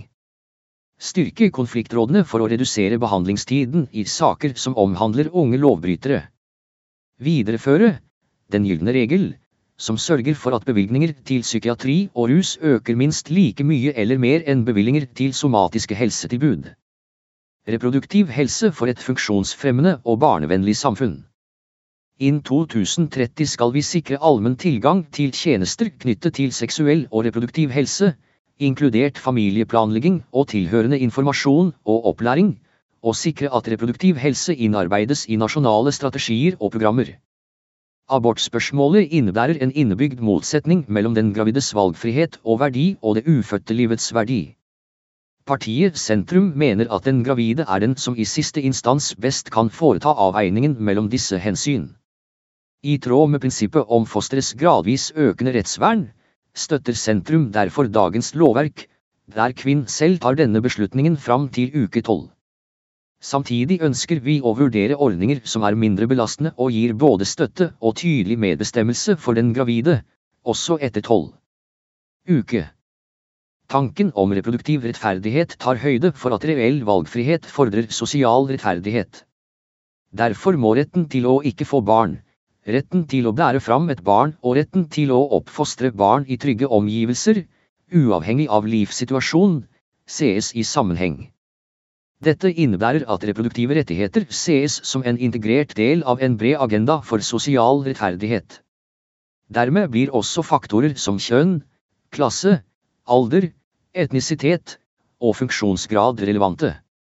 Samfunnet plikter å legge til rette for at også kvinner som for eksempel lever med funksjonsnedsettelser eller står utenfor arbeidslivet, skal kunne velge å fullføre et svangerskap uten å frykte for egen økonomi og fremtid om det er dette kvinn selv ønsker.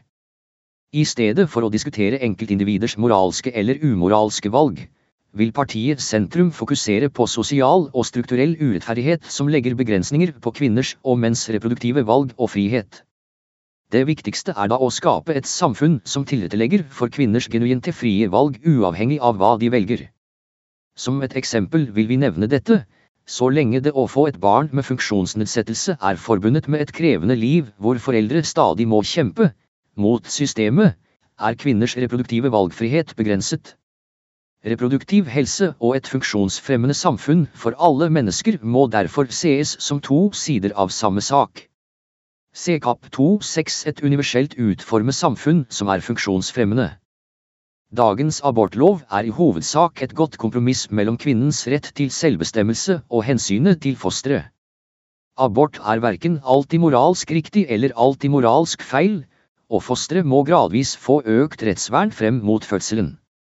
Kvinners tilgang til selvbestemt abort handler dypest sett om kvinners menneskeverd. I møte med medisinsk teknologi som gir nye muligheter og ny kunnskap om fosteret, ønsker partiet Sentrum en bred, respektfull og nyansert debatt om hva som i vårt samfunn skal være tilgjengelig for individuelle valg. Sentrum vil beholde tolv-ukersgrensa for selvbestemt abort. Utrede alternativer til dagens abortnemnd med sikte på å avvikle abortnemndene slik de er i dag og utvikle et bedre, mer ivaretakende alternativ. Videreføre dagens lovgivning for svangerskapsavbrudd etter uke 18. Bedre støtteordninger for familier hvor barn eller foreldre lever med funksjonsnedsettelser. Redusere stigma knyttet til tenåringsgraviditet spesielt og planlagte svangerskap generelt. Og redusere stigma knyttet til det å velge å ikke få barn. At foreldre uavhengig av livssituasjon og inntekt skal ha like rettigheter til betalt fødselspermisjon. Bedre støtteordninger for unge foreldre og studenter med barn. Sikre gravide kvinner tilgang til rådgivning. Videreføre og styrke veiledningstjenestene Amatia og Sex og Samfunn. Sikre tilgang til gratis prevensjon for ungdom. Innføre bedre støtteordninger for unge foreldre og studenter med barn, bl.a. ved å utvide overgangsstønaden og gi heltidsstudenter rett til foreldrepermisjon. Gi småbarnsforeldre rett til seks timersdag fram til barnet er tre år. Styrke barselomsorg og gi mor en egen barselpermisjon på 14 uker som starter tre uker før termin. For alle premature fødsler skal perioden for foreldrepenger først starte når barnet kommer hjem fra sykehus. I dag gjelder denne rettigheten kun tidlig premature, født før uke 33.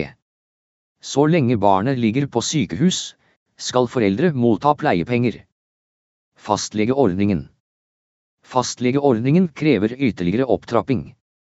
Fastlegene står pasienten nærmest der de bor. Fastlegeordningen er selve ryggraden i helsetjenesten og svært populær i befolkningen.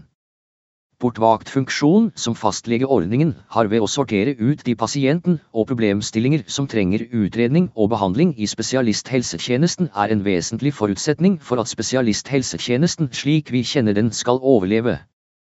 Fastlegene har høy arbeidsbelastning, særlig knyttet til legevakt. Sentrum vil styrke fastlegeordningen. Sentrum vil øke bevilgningene til allmennlegetjenesten. Øke rammen til fastlegeordningen for å gi fastlegene mer tid til hver pasient og mer tid til å holde seg faglig oppdatert. Få på plass en nasjonal allisordning, allmennleger i spesialisering, så alle nye allmennleger får en forutsigbar og trygg vei inn i allmennlegeyrket.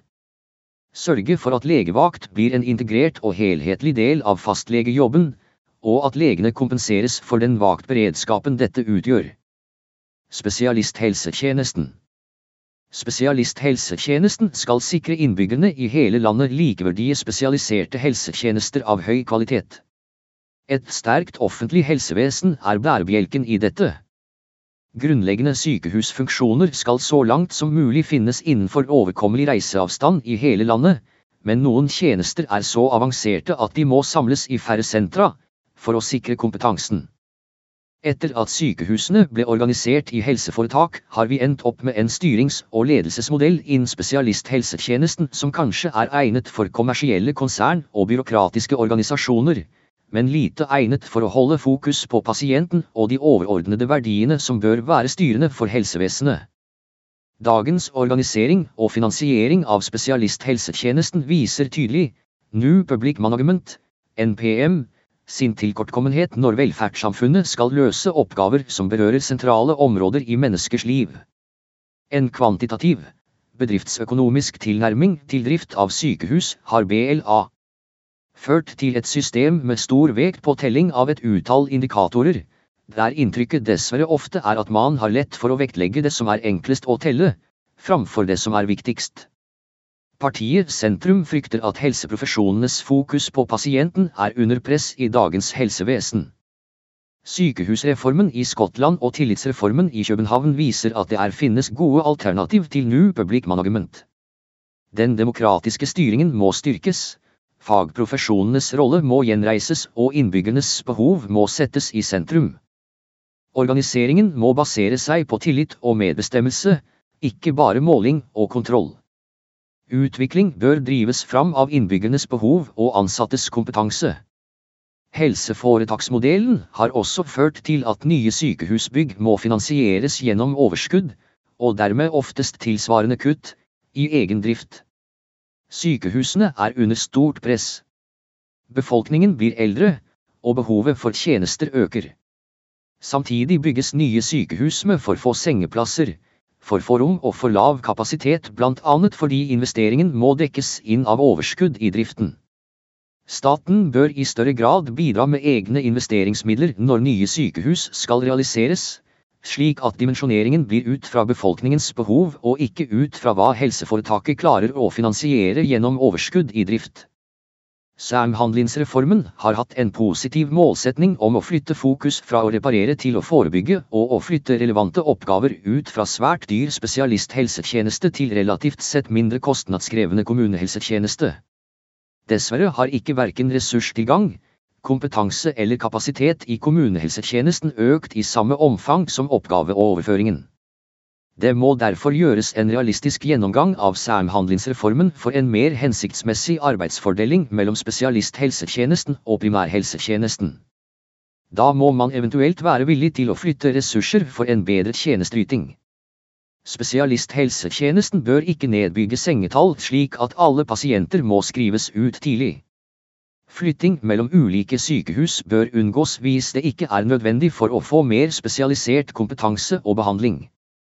Kort liggetid er ikke nødvendigvis god behandling, og pasienten må i størst mulig grad slippe å forholde seg til stadig nye personer i behandlingskjeden. Organisering av behandling og omsorg må ikke forutsette at alle har noen som kan passe på dem i SUB-akuttfaser. Det bør også utredes om spesialisthelsetjenesten skal utvikle målrettede omsorgstilbud for spesielle pasientgrupper, spesielt pasienter som ikke har samtykkekompetanse og eller på annet grunnlag har vansker med å samarbeide med kommunene om kommunenes frivillige tilbud. Dette kan gjelde pasienter innenfor sikkerhetspsykiatri eller pasienter som på annet grunnlag trenger andre rammer enn full frivillighet rundt sin behandling. Pasient- og brukerrettighetsloven, lov om psykisk helsevern og helse- og omsorgstjenesteloven må også justeres slik at det vil bli lettere å gi AMBIV-aliente pasienter kontinuerlige helsetjenester ved behov. Arbeidet for mindre og riktig bruk av tvang i det psykiske helsevernet er svært viktig. Lovforslaget om tvangsbegrensing innebærer imidlertid så stor grad av forbud mot tvangsmidler at det ikke bør vedtas som foreslått. Det psykiske helsevern må styrkes både på spesialisthelsetjenestenivå og på kommunalt nivå. Det psykiske helsevern må ikke tillates å bygge ned eksisterende sengeplasser, heller øke antallet.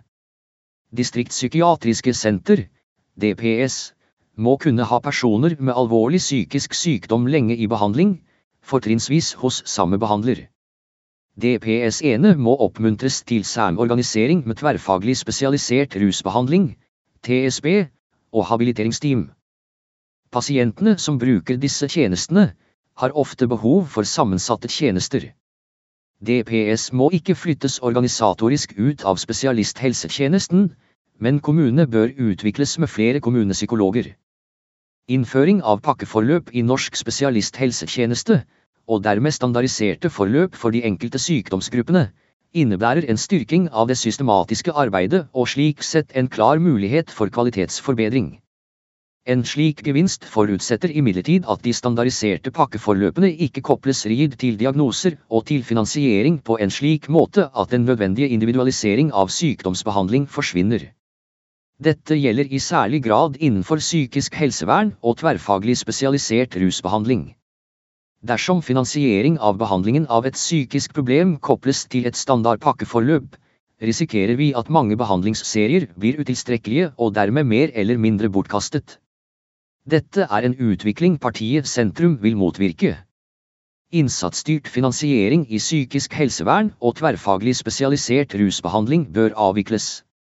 Rammefinansiering av psykisk helsevern og tverrfaglig spesialisert rusbehandling vil gi en bedre behandling. Sykehusene våre ligger langt bak resten av samfunnet når det kommer til digitale kommunikasjonsløsninger. Spesialisthelsetjenesten trenger et IKT-løft for å sikre god pasientsikkerhet og effektiv ressursbruk. Vi må sikre at spesialisthelsetjenesten og kommunene har systemer som snakker sammen sømløst, og sikre brukervennlige digitale løsninger som letter arbeidsdagen for de ansatte i både primærhelsetjenesten og spesialisthelsetjenesten. Rekruttering til ulike helseprofesjoner må styrkes og underdekning av spesialister, både innenfor legeyrket og ellers, må rettes på. Ressurser som i dag brukes på dyre vikarordninger og private tilbud bør gradvis og i større grad rettes mot styrking av det offentlige tilbudet.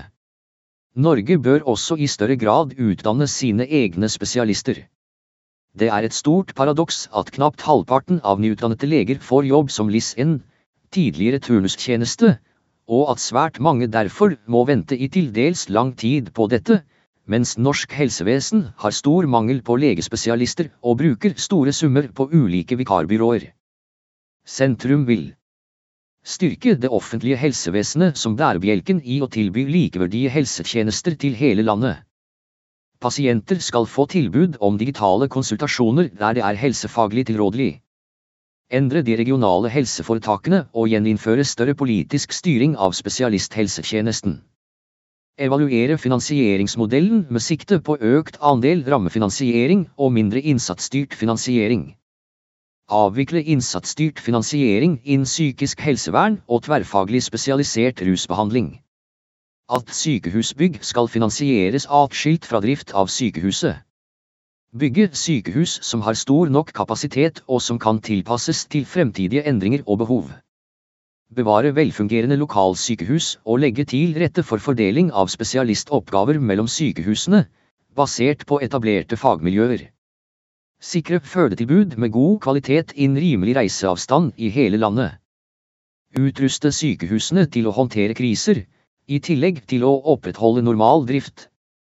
Gjennomføre en evaluering av samhandlingsreformen og spesielt se på ansvars- og oppgavefordeling mellom spesialisthelsetjenesten og kommunen med utgangspunkt i hva det er realistisk at kommunene kan ha kompetanse på. Styrke den spesialiserte utdanningen av ulike helsepersonell, herunder øke tallet på LIS-1-stillinger, slik at nyutdannede leger så raskt som mulig får gjennomført sin spesialisering. Øke antall leger i spesialiseringsstillinger i psykiatri. Sørge for at ikke kopling mellom pakkeforløp og finansiering av spesialisthelsetjenesten reduserer muligheten for å individuelt tilpasse behandlingen til den enkelte pasient sine behov. Videreføre og kvalitetssikre den gylne regel, som sørger for at bevilgninger til psykiatri og rus øker minst like mye eller mer enn bevilgninger til somatiske helsetilbud. Innføre en opptrappingsplan for psykisk helse med øremerkede midler. Prioritere tidlig intervensjon for å motvirke utenforskap og psykisk sykdom. Stanse nedbyggingen av døgnplasser i psykiatrien og inn tverrfaglig spesialisert rusbehandling. At pasienter med langvarige og sammensatte behov fortrinnsvis mottar hjelpen av den samme behandleren i lengre sykdomsperioder. Styrke arbeidet for å ivareta god hjernehelse. Sikre momsfritak for godkjent alternativ og komplementær behandling. Styrke satsingen på FACT, Flexible Assertive Community Treatment Team, en samhandlingsmodell mellom spesialisthelsetjenesten og kommunen, som retter seg mot personer med alvorlige psykiske lidelser og med store og sammensatte problemer. FACT er et godt tiltak der evaluering viser at pasienter opplever redusert sykdomstrykk og behovet for innleggelser. Rus og psykisk sykdom, ROP. Rundt 6500 mennesker i Norge er hardt rammet av både ruslidelser og psykisk sykdom, ROP. Disse menneskene faller ofte mellom to stoler i hjelpeapparatet, selv om de har en stor sykdomsbyrde. Helsetilbudet framstår fragmentert for de det gjelder. Mange opplever å bli sviktet av det kommunale hjelpeapparatet, og går inn og ut av fengsel og behandlingsinstitusjoner uten at noen tar et helhetlig ansvar for livssituasjonen. Det er en svært sårbar situasjon med høy risiko for tidlig død. Det er påpekt svikt i oppfølgingen ved flertallet av de distriktspsykiatriske poliklinikkene. Kartlegging og utredning av disse menneskene er mangelfull, og de får ikke god nok hjelp til bomestring i kommunene. Kommunene mangler ofte planer og tiltak for kriser og forverrede situasjoner, samt systematisk oppfølging av pasientenes barn. Denne gruppens bosituasjon har stadig blitt forverret, selv under planperioden for opptrappingsplan for rusfeltet. 2016 til 2020 Bosituasjonen til ROP-pasientene er bekymringsfull. Rutine for varsling etter selvmordsforsøk og overdoser mellom kommune og spesialisthelsetjeneste er for dårlige i de fleste kommuner. Norge ligger høyt sammenlignet med andre land med nærmere 300 overdosedødsfall per år. Personer som er rammet av samtidig rusutfordringer og psykisk sykdom, har den samme rett til et likeverdig helsetilbud, både i fengsel og i spesialisthelsetjenesten. Sentrum vil sikre personer som er rammet av samtidig rusutfordringer og psykisk sykdom, ROP, bedre og samordnede tjenester. Ta initiativ til en ny nasjonal handlingsplan for ROP-pasientene som skal sikre samordnede og helhetlige tiltak i hele helsesektoren og i kommunene. Og som baserer seg på levekårsundersøkelser og evaluering av opptrappingsplan for rusfeltet. Stimulere til kunnskapsutvikling om ROP-pasientenes levekår. Kartlegge bo- og helsetilbudet for ROP-pasientene i kommunene. Ha en ny nasjonal strategi for boligsosialt arbeid. Utvikle et informasjons- og varslingssystem for ROP-pasienter som for å bedre kommunikasjon mellom spesialisthelsetjenesten, fastleger og andre kommunale helsetjenester. Sikre at alle kommuner har rutiner for oppfølging etter overdose og selvmordsforsøk eller mulig selvmordsforsøk. Sikre en ny oppgave- og ansvarsfordeling mellom helseforetak, kommunehelsetjeneste og andre kommunale etater for ROP-menneskene som har hyppig kontakt med hjelpeapparatet. Arbeide for å sikre at kommunehelsetjenesten har mulighet til tilbakeholding med tvang i inntil tre måneder i en egnet døgninstitusjon dersom en person er i ferd med å ruse seg på en slik måte at liv og helse er i fare, jf. helse- og omsorgstjenesteloven 10-2. Alkohol. Å redusere alkoholkonsumet er et viktig bærekraftsmål. Delmål 3-5 omhandler en styrking av forebygging og behandling av rus og alkoholavhengighet. I tillegg er en reduksjon i alkoholkonsumet viktig for å nå målet om å redusere trafikkdødelighet. 3.6. Redusere antallet som dør av ikke-smittsomme sykdommer. 3.4.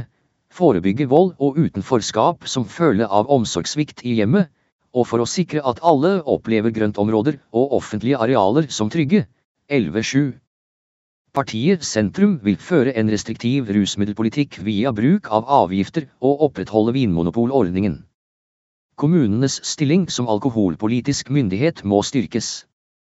Sentrum ønsker strengere nasjonale regler samt en klar politisk holdning til alkoholfrie soner samt økt informasjon om skadevirkningene av alkohol, narkotika samt bruk av snus og tobakk. Alkoholpolitikk må gjennomgående omhandles og vedtas i helsepolitisk og ikke næringspolitisk kontekst. Alkoholforbruket i Norge har økt siden 1990-tallet, og tross en svak nedgang fra toppåret 2008, er konsumet fortsatt høyt. Et bredt flertall på Stortinget har gjentatte ganger stilt seg bak Voss mål om å redusere det skadelige alkoholkonsumet med 10% innen 2025. Taxfree-ordningen bidrar til mer konsum og truer vinmonopolordningen fordi den flytter salgsvolum fra Vinmonopolet til taxfree. I tillegg bidrar taxfree-ordningen til økt flytrafikk ved at inntekter fra alkoholsalget subsidierer billettpriser. I dag har man ikke et system som fanger opp alle alkoholrelaterte skader og dødsfall. For å kunne anslå effekten av alkoholpolitikken som blir ført er det viktig at alkoholrelaterte skader og dødsfall blir rapportert mer systematisk enn i dag. Sentrum vil opprettholde og styrke Vinmonopolets rolle i norsk alkoholpolitikk. Avvikle taxfree-ordningen for alkohol, snus og tobakk. La alkoholavgiftene følge pris- og lønnsveksten. Si nei til salg av alkohol i storkiosker og bensinstasjoner. Sikre at det ikke blir mulig å levere alkohol på døren til mindreårige. At idretts- og kulturarenaer hvor barn er til stede skal være alkoholfrie beholde og forbedre det nasjonale prikktildelingssystemet slik at bl.a. skjenking til mindreårige fører til automatisk bortfall av skjenkebevilling. Beholde nasjonale rammer for skjenketider, og redusere skjenketiden til senest klokken to. Redusere den avgiftsfri innførselskvoten for alkohol til 2014-nivå. Opprettholde reklameforbudet mot alkoholholdige drikker. Innføre en merkeordning for alkohol som innebærer bedre informasjon om de skadelige konsekvensene av å alkoholkonsum. Lage et bedre rapporteringssystem for alkoholrelaterte skader og dødsfall. Senke promillegrensen på sjøen til 02. Ettervern, habilitering og rehabilitering. Alle skal gis mulighet til å leve et meningsfullt og selvstendig liv med sykdom og funksjonstap. Da må vi ta i bruk de menneskelige ressurser og erfaringskompetanse, og øke fokuset på mestring. Mange av oss vil få behov for rehabilitering i løpet av livet.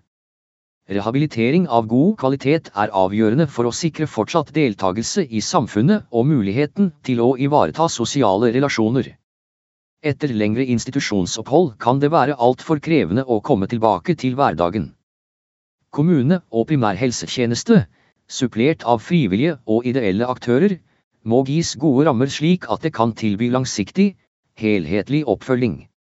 Det handler om sosialt støttende nettverk, inntekt, støtte til bolig og arbeid. Kvaliteten i ettervernet varierer i for stor grad i landet vårt. Barn og ungdom med funksjonsnedsettelser må gis muligheter til å utvikle sin funksjons- og mestringsevne for i størst mulig grad å realisere sine ønsker om utdanning, arbeid og sosial deltakelse på linje med annen ungdom. Det er behov for å styrke habiliterings- og rehabiliteringstjenestene slik at disse kan gis på arenaer hvor barn og unge oppholder seg. Mange benytter seg av alternative behandlingsformer fordi det fremmer livskvaliteten, og gjør det mulig å stå i jobb til tross for helseplager. Noen av metodene er gode mot kroniske helseproblemer som helsevesenet ikke har fullgode behandlingstilbud for. Sentrum vil Utrede styrking av habiliterings- og rehabiliteringsfeltet. Sikre at tilbud om habilitering og rehabilitering tilpasses bedre mennesker med kort botid i Norge og eller minoritetsbakgrunn. Styrke retten til medvirkning underveis, både på individ- og systemnivå. Legemidler, smittevern og beredskap. Utvikling av nye legemidler og behandlingsmetoder gjør at vi kan leve gode liv lenger. Det er viktig med likeverdig og rask tilgang til legemidler, til en lavest mulig pris. Forutsetningene for å håndtere kriser i helsetjenesten har lenge har vært under press. Det manglet tilstrekkelig smittevernutstyr da pandemien rammet. Vi må bli mer selvforsynte med medisiner, smittevernutstyr og vaksiner. Sykehusene våre er sårbare behandlingsarenaer i møte med en smittsom pandemi. Intensivkapasiteten i sykehussektoren, som ligger under gjennomsnittet i OECD, må styrkes. Etter covid-19-pandemien har Norge fått verdifull erfaring og kunnskap om smittevern og beredskap. Vi har god tilgang til kunnskap om hva som skal til for å ta vare på liv og helse i befolkningen. Sentrum vil legge til rette for at det kan gjennomføres flere kliniske studier i Norge og at flere kan få tilgang til utprøvende behandling. Få fart på innføringen av pasientens legemiddelliste slik at helsepersonell får oversikt over pasientens legemiddelbruk. Bidra aktivt til å bekjempe antibiotikaresistens. Legge til rette for produksjon av legemidler i Norge slik at vi kan bli mer selvforsynte. Videreføre kunnskaps- og holdningsarbeid som sikrer at folk følger vaksinasjonsprogrammer. Videreutvikle vaksinasjonsprogrammer i tråd med ny kunnskap og faglige råd. Øke intensivkapasiteten til sykehusene og øke intensivkompetansen til helsearbeiderne. Sikre god beredskap på lokalt nivå ved å styrke kommuneoverlegens rolle, og opprette beredskapsordning hvor kommuneoverlegen sikres stedfortreder og støtte. Styrke teknologi og digitalisering som fremmer samarbeid mellom de ulike delene av helsetjenesten. Sikre lager av nødvendig medisinsk utstyr, legemidler og smittevernutstyr. Ivareta viktige internasjonale samarbeidsrelasjoner i beredskapsarbeidet. Bidra til en rettferdig fordeling av legemidler i verden. Styrke FHI. Hindre norske statsborgere i å ta med seg sterkt avhengighetsskapende, reseptbelagte medisiner fra utenlandske leger inn i Norge uten godkjennelse fra norsk lege, med mindre de kan dokumentere bostedsadresse i landet medisin er skrevet ut i. Tannhelse. Den norske befolkning har i all hovedsak god tannhelse, men det er stor sosial ulikhet i tannhelse. Dette forsterkes ved at folketrygdens stønadsordning stadig svekkes gjennom kutt i statsbudsjettet og ved at pasienter med lovfestede rettigheter innenfor den offentlige tannhelsetjenesten, som for eksempel eldre med vedtak om hjemmesykepleie, ofte ikke får det tilbudet de har krav på.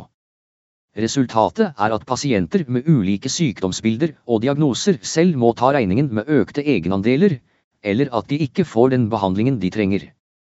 Dette rammer de mest sårbare pasientgruppene, og på sikt vil det føre til større utgifter både for pasientene og samfunnet. Oral helse har stor betydning for folkehelsen.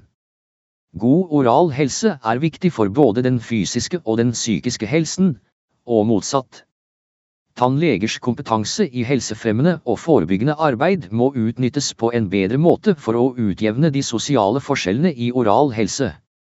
Ikke-smittsomme sykdommer, som kreft, hjerte- og karsykdommer, kroniske lungesykdommer, diabetes og orale sykdommer, er blant de største utfordringene for befolkningens helse i dag.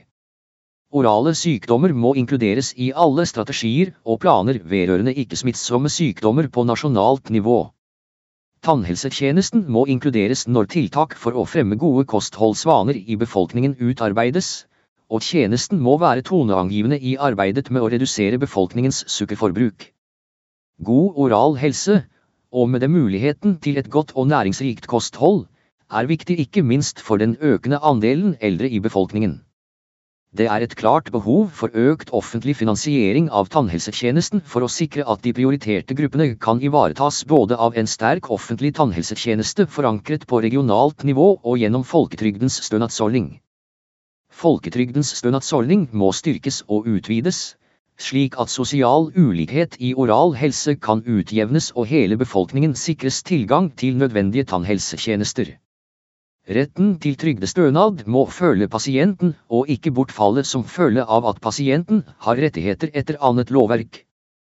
I flere fylker er det veldig lange ventelister ved det tilrettelagte tannhelsetilbudet til tortur- og overgrepsutsatte og personer med sterk angst for tannbehandling. 2. Dette er en meget sårbar pasientgruppe, hvor lang ventetid kan gi svært uheldige utslag. Denne pasientgruppen må ivaretas på en bedre måte.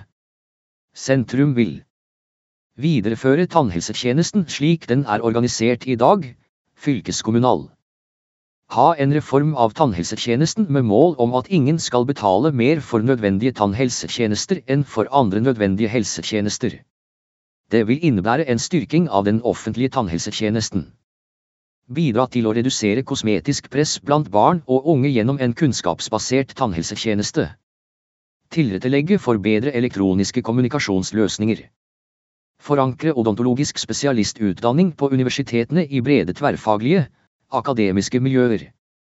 Sikre en fortsatt god grunnutdanning med høy kvalitet ved at grunnutdanningen og spesialistutdanningene fortsatt er samlet ved de odontologiske lærestedene.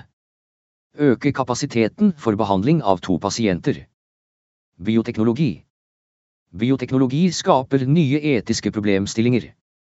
Hvor går grensen for hvor langt vi bør gå i å endre naturen ved hjelp av teknologi? Er det noen teknologiske muligheter vi ikke skal benytte oss av? En etisk problemstilling handler om å prioritere mellom ulike verdier. Personer eller grupper. Etikk handler om hvordan ting bør være, derfor må politiske spørsmål innen bioteknologi og genteknologi alltid ses i lys av de verdier vi har som samfunn. De felles verdiene vi har i vår grunnlov uttrykker at myndighetene har en plikt til å verne om retten til liv. Sentrum mener at denne retten må understrekes i møte med stadig større kunnskap om egenskaper ved det ufødte liv. Den teknologiske utviklingen kan ikke alene føre an i utviklingen. Med ulike roller, oppgaver og ansvar i helse- og omsorgstjenesten, er det viktig å understreke at de etiske problemstillingene eies i et fellesskap. Mennesker skal ikke være alene om å ta krevende etiske valg. Lovverket må ivareta de gode mulighetene som ligger innenfor dette feltet, men også sette klare grenser for hva som er etisk, medisinsk og ressursmessig forsvarlig. Det bør føres en restriktiv politikk innen genteknologi, med fokus på diagnostikk og behandling av alvorlige sykdommer. I saker om bioteknologi som omhandler barn, skal barnets beste komme først. Det er en menneskerett å få kjennskap til sitt biologiske opphav. Rammen for assistert befruktning som hovedregel følger opp dette. Overordnede prioriteringskriterier i helsetjenesten må forsterkes med verktøy som kan hjelpe helsepersonell å gjøre gode prioriteringer i praksis. Lovverk, kliniske og etiske retningslinjer må støtte helsepersonell i de krevende prioriteringsbeslutningene de står overfor. Sentrum vil sikre at alle som arbeider i helsetjenesten har kunnskap om etikk. Sikre at de helsefaglige utdanningene tilbyr systematisk etisk refleksjon. Motarbeide forskning på befruktede egg, fostervev og aborterte fostre. Samt genetisk testing av barn utenfor helsetjenesten regulere markedet for genetisk selvtesting ved lov for å ivareta personvern og retten til egne helsedata. At surrogati ikke skal tillates fordi faren for utnytting av mennesker er til stede. Aktiv dødshjelp. Det er politisk aktuelt om Norge bør ha en dødshjelpslov. Eksisterende dødshjelpslover internasjonalt har store svakheter både når det gjelder entydighet, rettferdighet og evnen til å gi en forsvarlig regulering av dødshjelp. Erfaringer viser at det kan være en umulighet å legalisere dødshjelp på en entydig, rettferdig og forsvarlig måte. Aktiv dødshjelp bryter ikke med menneskerettighetene, men med de felles verdier vi har i vårt samfunn. Sentrum vil arbeide for at aktiv dødshjelp ikke blir tillatt i Norge. Sikre at helsetjenesten har et palliativt tilbud og gode omsorgstjenester for de som trenger det. En forsterket frivillig og ideell sektor.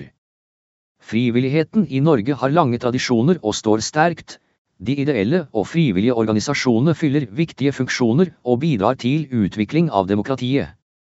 Frivilligheten har en egenverdi, og det å være frivillig gir sterkere fellesskap mellom mennesker og gir større tillit mellom oss, noe som er spesielt viktig i en tid hvor vi er vitne til økt polarisering i samfunnet. Frivilligheten er dessuten en viktig lærings- og inkluderingsarena. Smittsomme og dødelige sykdommer var en stor utfordring da de frivillige og ideelle organisasjonene ble stiftet. Bymisjonsfolket var tidlig ute med sosialt arbeid. Katinka Gullberg var sammen med Kirkens Bymisjon med å starte utdanning av sykepleiere i Norge i 1868. De første frivillige og ideelle organisasjonene gjorde en fantastisk innsats ved å pleie syke, utdanne sykepleiere og spre kunnskap. Ideelle virksomhetene skiller seg fra kommersielle virksomheter ved at de ikke har profitt som formål, eventuelt at overskudd utelukkende benyttes til å drifte og tilby humanistiske og sosiale tjenester til allmennheten eller spesielle grupper. Partiet Sentrum vil føre en aktiv politikk for ideell vekst på alle nivåer. Den politiske målsettingen om ideell vekst i helseforetakene må følges opp med sterkere politisk styring, om nødvendig må kraftigere sanksjoner vurderes. Flere kommuner må invitere ideelle aktører til dialog om hvordan de kan løse sine behov på barnevernsområdet. Ideelle aktører bør inviteres til dialog om hvordan kommunens samfunnsutfordringer kan møtes, og lage egne strategier med målsettinger om ideell vekst. Vi ønsker at frivilligheten og organisasjoner skal få forutsigbare rammebetingelser og minst mulig byråkrati, slik at de kan få mer tid til verdifulle aktiviteter. Frivilligheten gir rom for mangfold, gir tilhørighet, den inkluderer og er en arena hvor alle slipper til, hvor alle er likeverdi, og alle er velkomne. Sentrum vil etablere et register for ideelle virksomheter. At offentlige myndighetsorganer bør få krav om jevnlig dialog med ideelle aktører om vekst og etablering av nye tjenester. Sikre at avtaler med ideelle aktører får lengre løpetid enn i dag at en del av rammen for Husbankens tilskudd øremerkes til formålsbygg for ideelle aktører. At det etableres et innovasjonsfond for ideell sektor innenfor helse- og sosialtjenesten. Bruke hele handlingsrommet for å reservere konkurranser til ideelle aktører og ta hensyn til ideelle aktørers særtrekk og merverdi. Utrede avtaleformer for samarbeid mellom myndighetene og ideelle aktører og lage veiledere som kan minimere prosessrisiko ved inngåelse av slike samarbeid. Videreføre avtalene til de tolv sykehusene med løpende avtaler, inkludere dem i helsefellesskapene og utvide oppgaveporteføljene deres.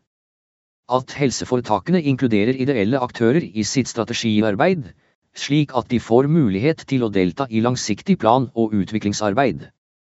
At Stortingets vedtak om ideell vekst i institusjonsbarnevernet følges opp. At Stortinget etablerer en kompensasjonsordning for historiske pensjonsforpliktelser for ideelle aktører som har drevet tilbud på vegne av kommuner. Ha økt satsing på frivillighetssentraler. Full og regelstyrt momskompensasjon for frivillige organisasjoner innen 2024. At det blir en økning i tildeling av frie midler, fremfor kun prosjektmidler. Det offentlige sørger for tilstrekkelig og styrkede tilskuddsordninger for nye og eksisterende aktiviteter. At miljø- og bærekraftsprosjekter løftes og at det skapes nye tilskuddsordninger for overgangen til det grønne og mer sirkulære samfunnet. Legge til rette for at det finnes koordinatorer i kommune og fylkeskommune som bistår.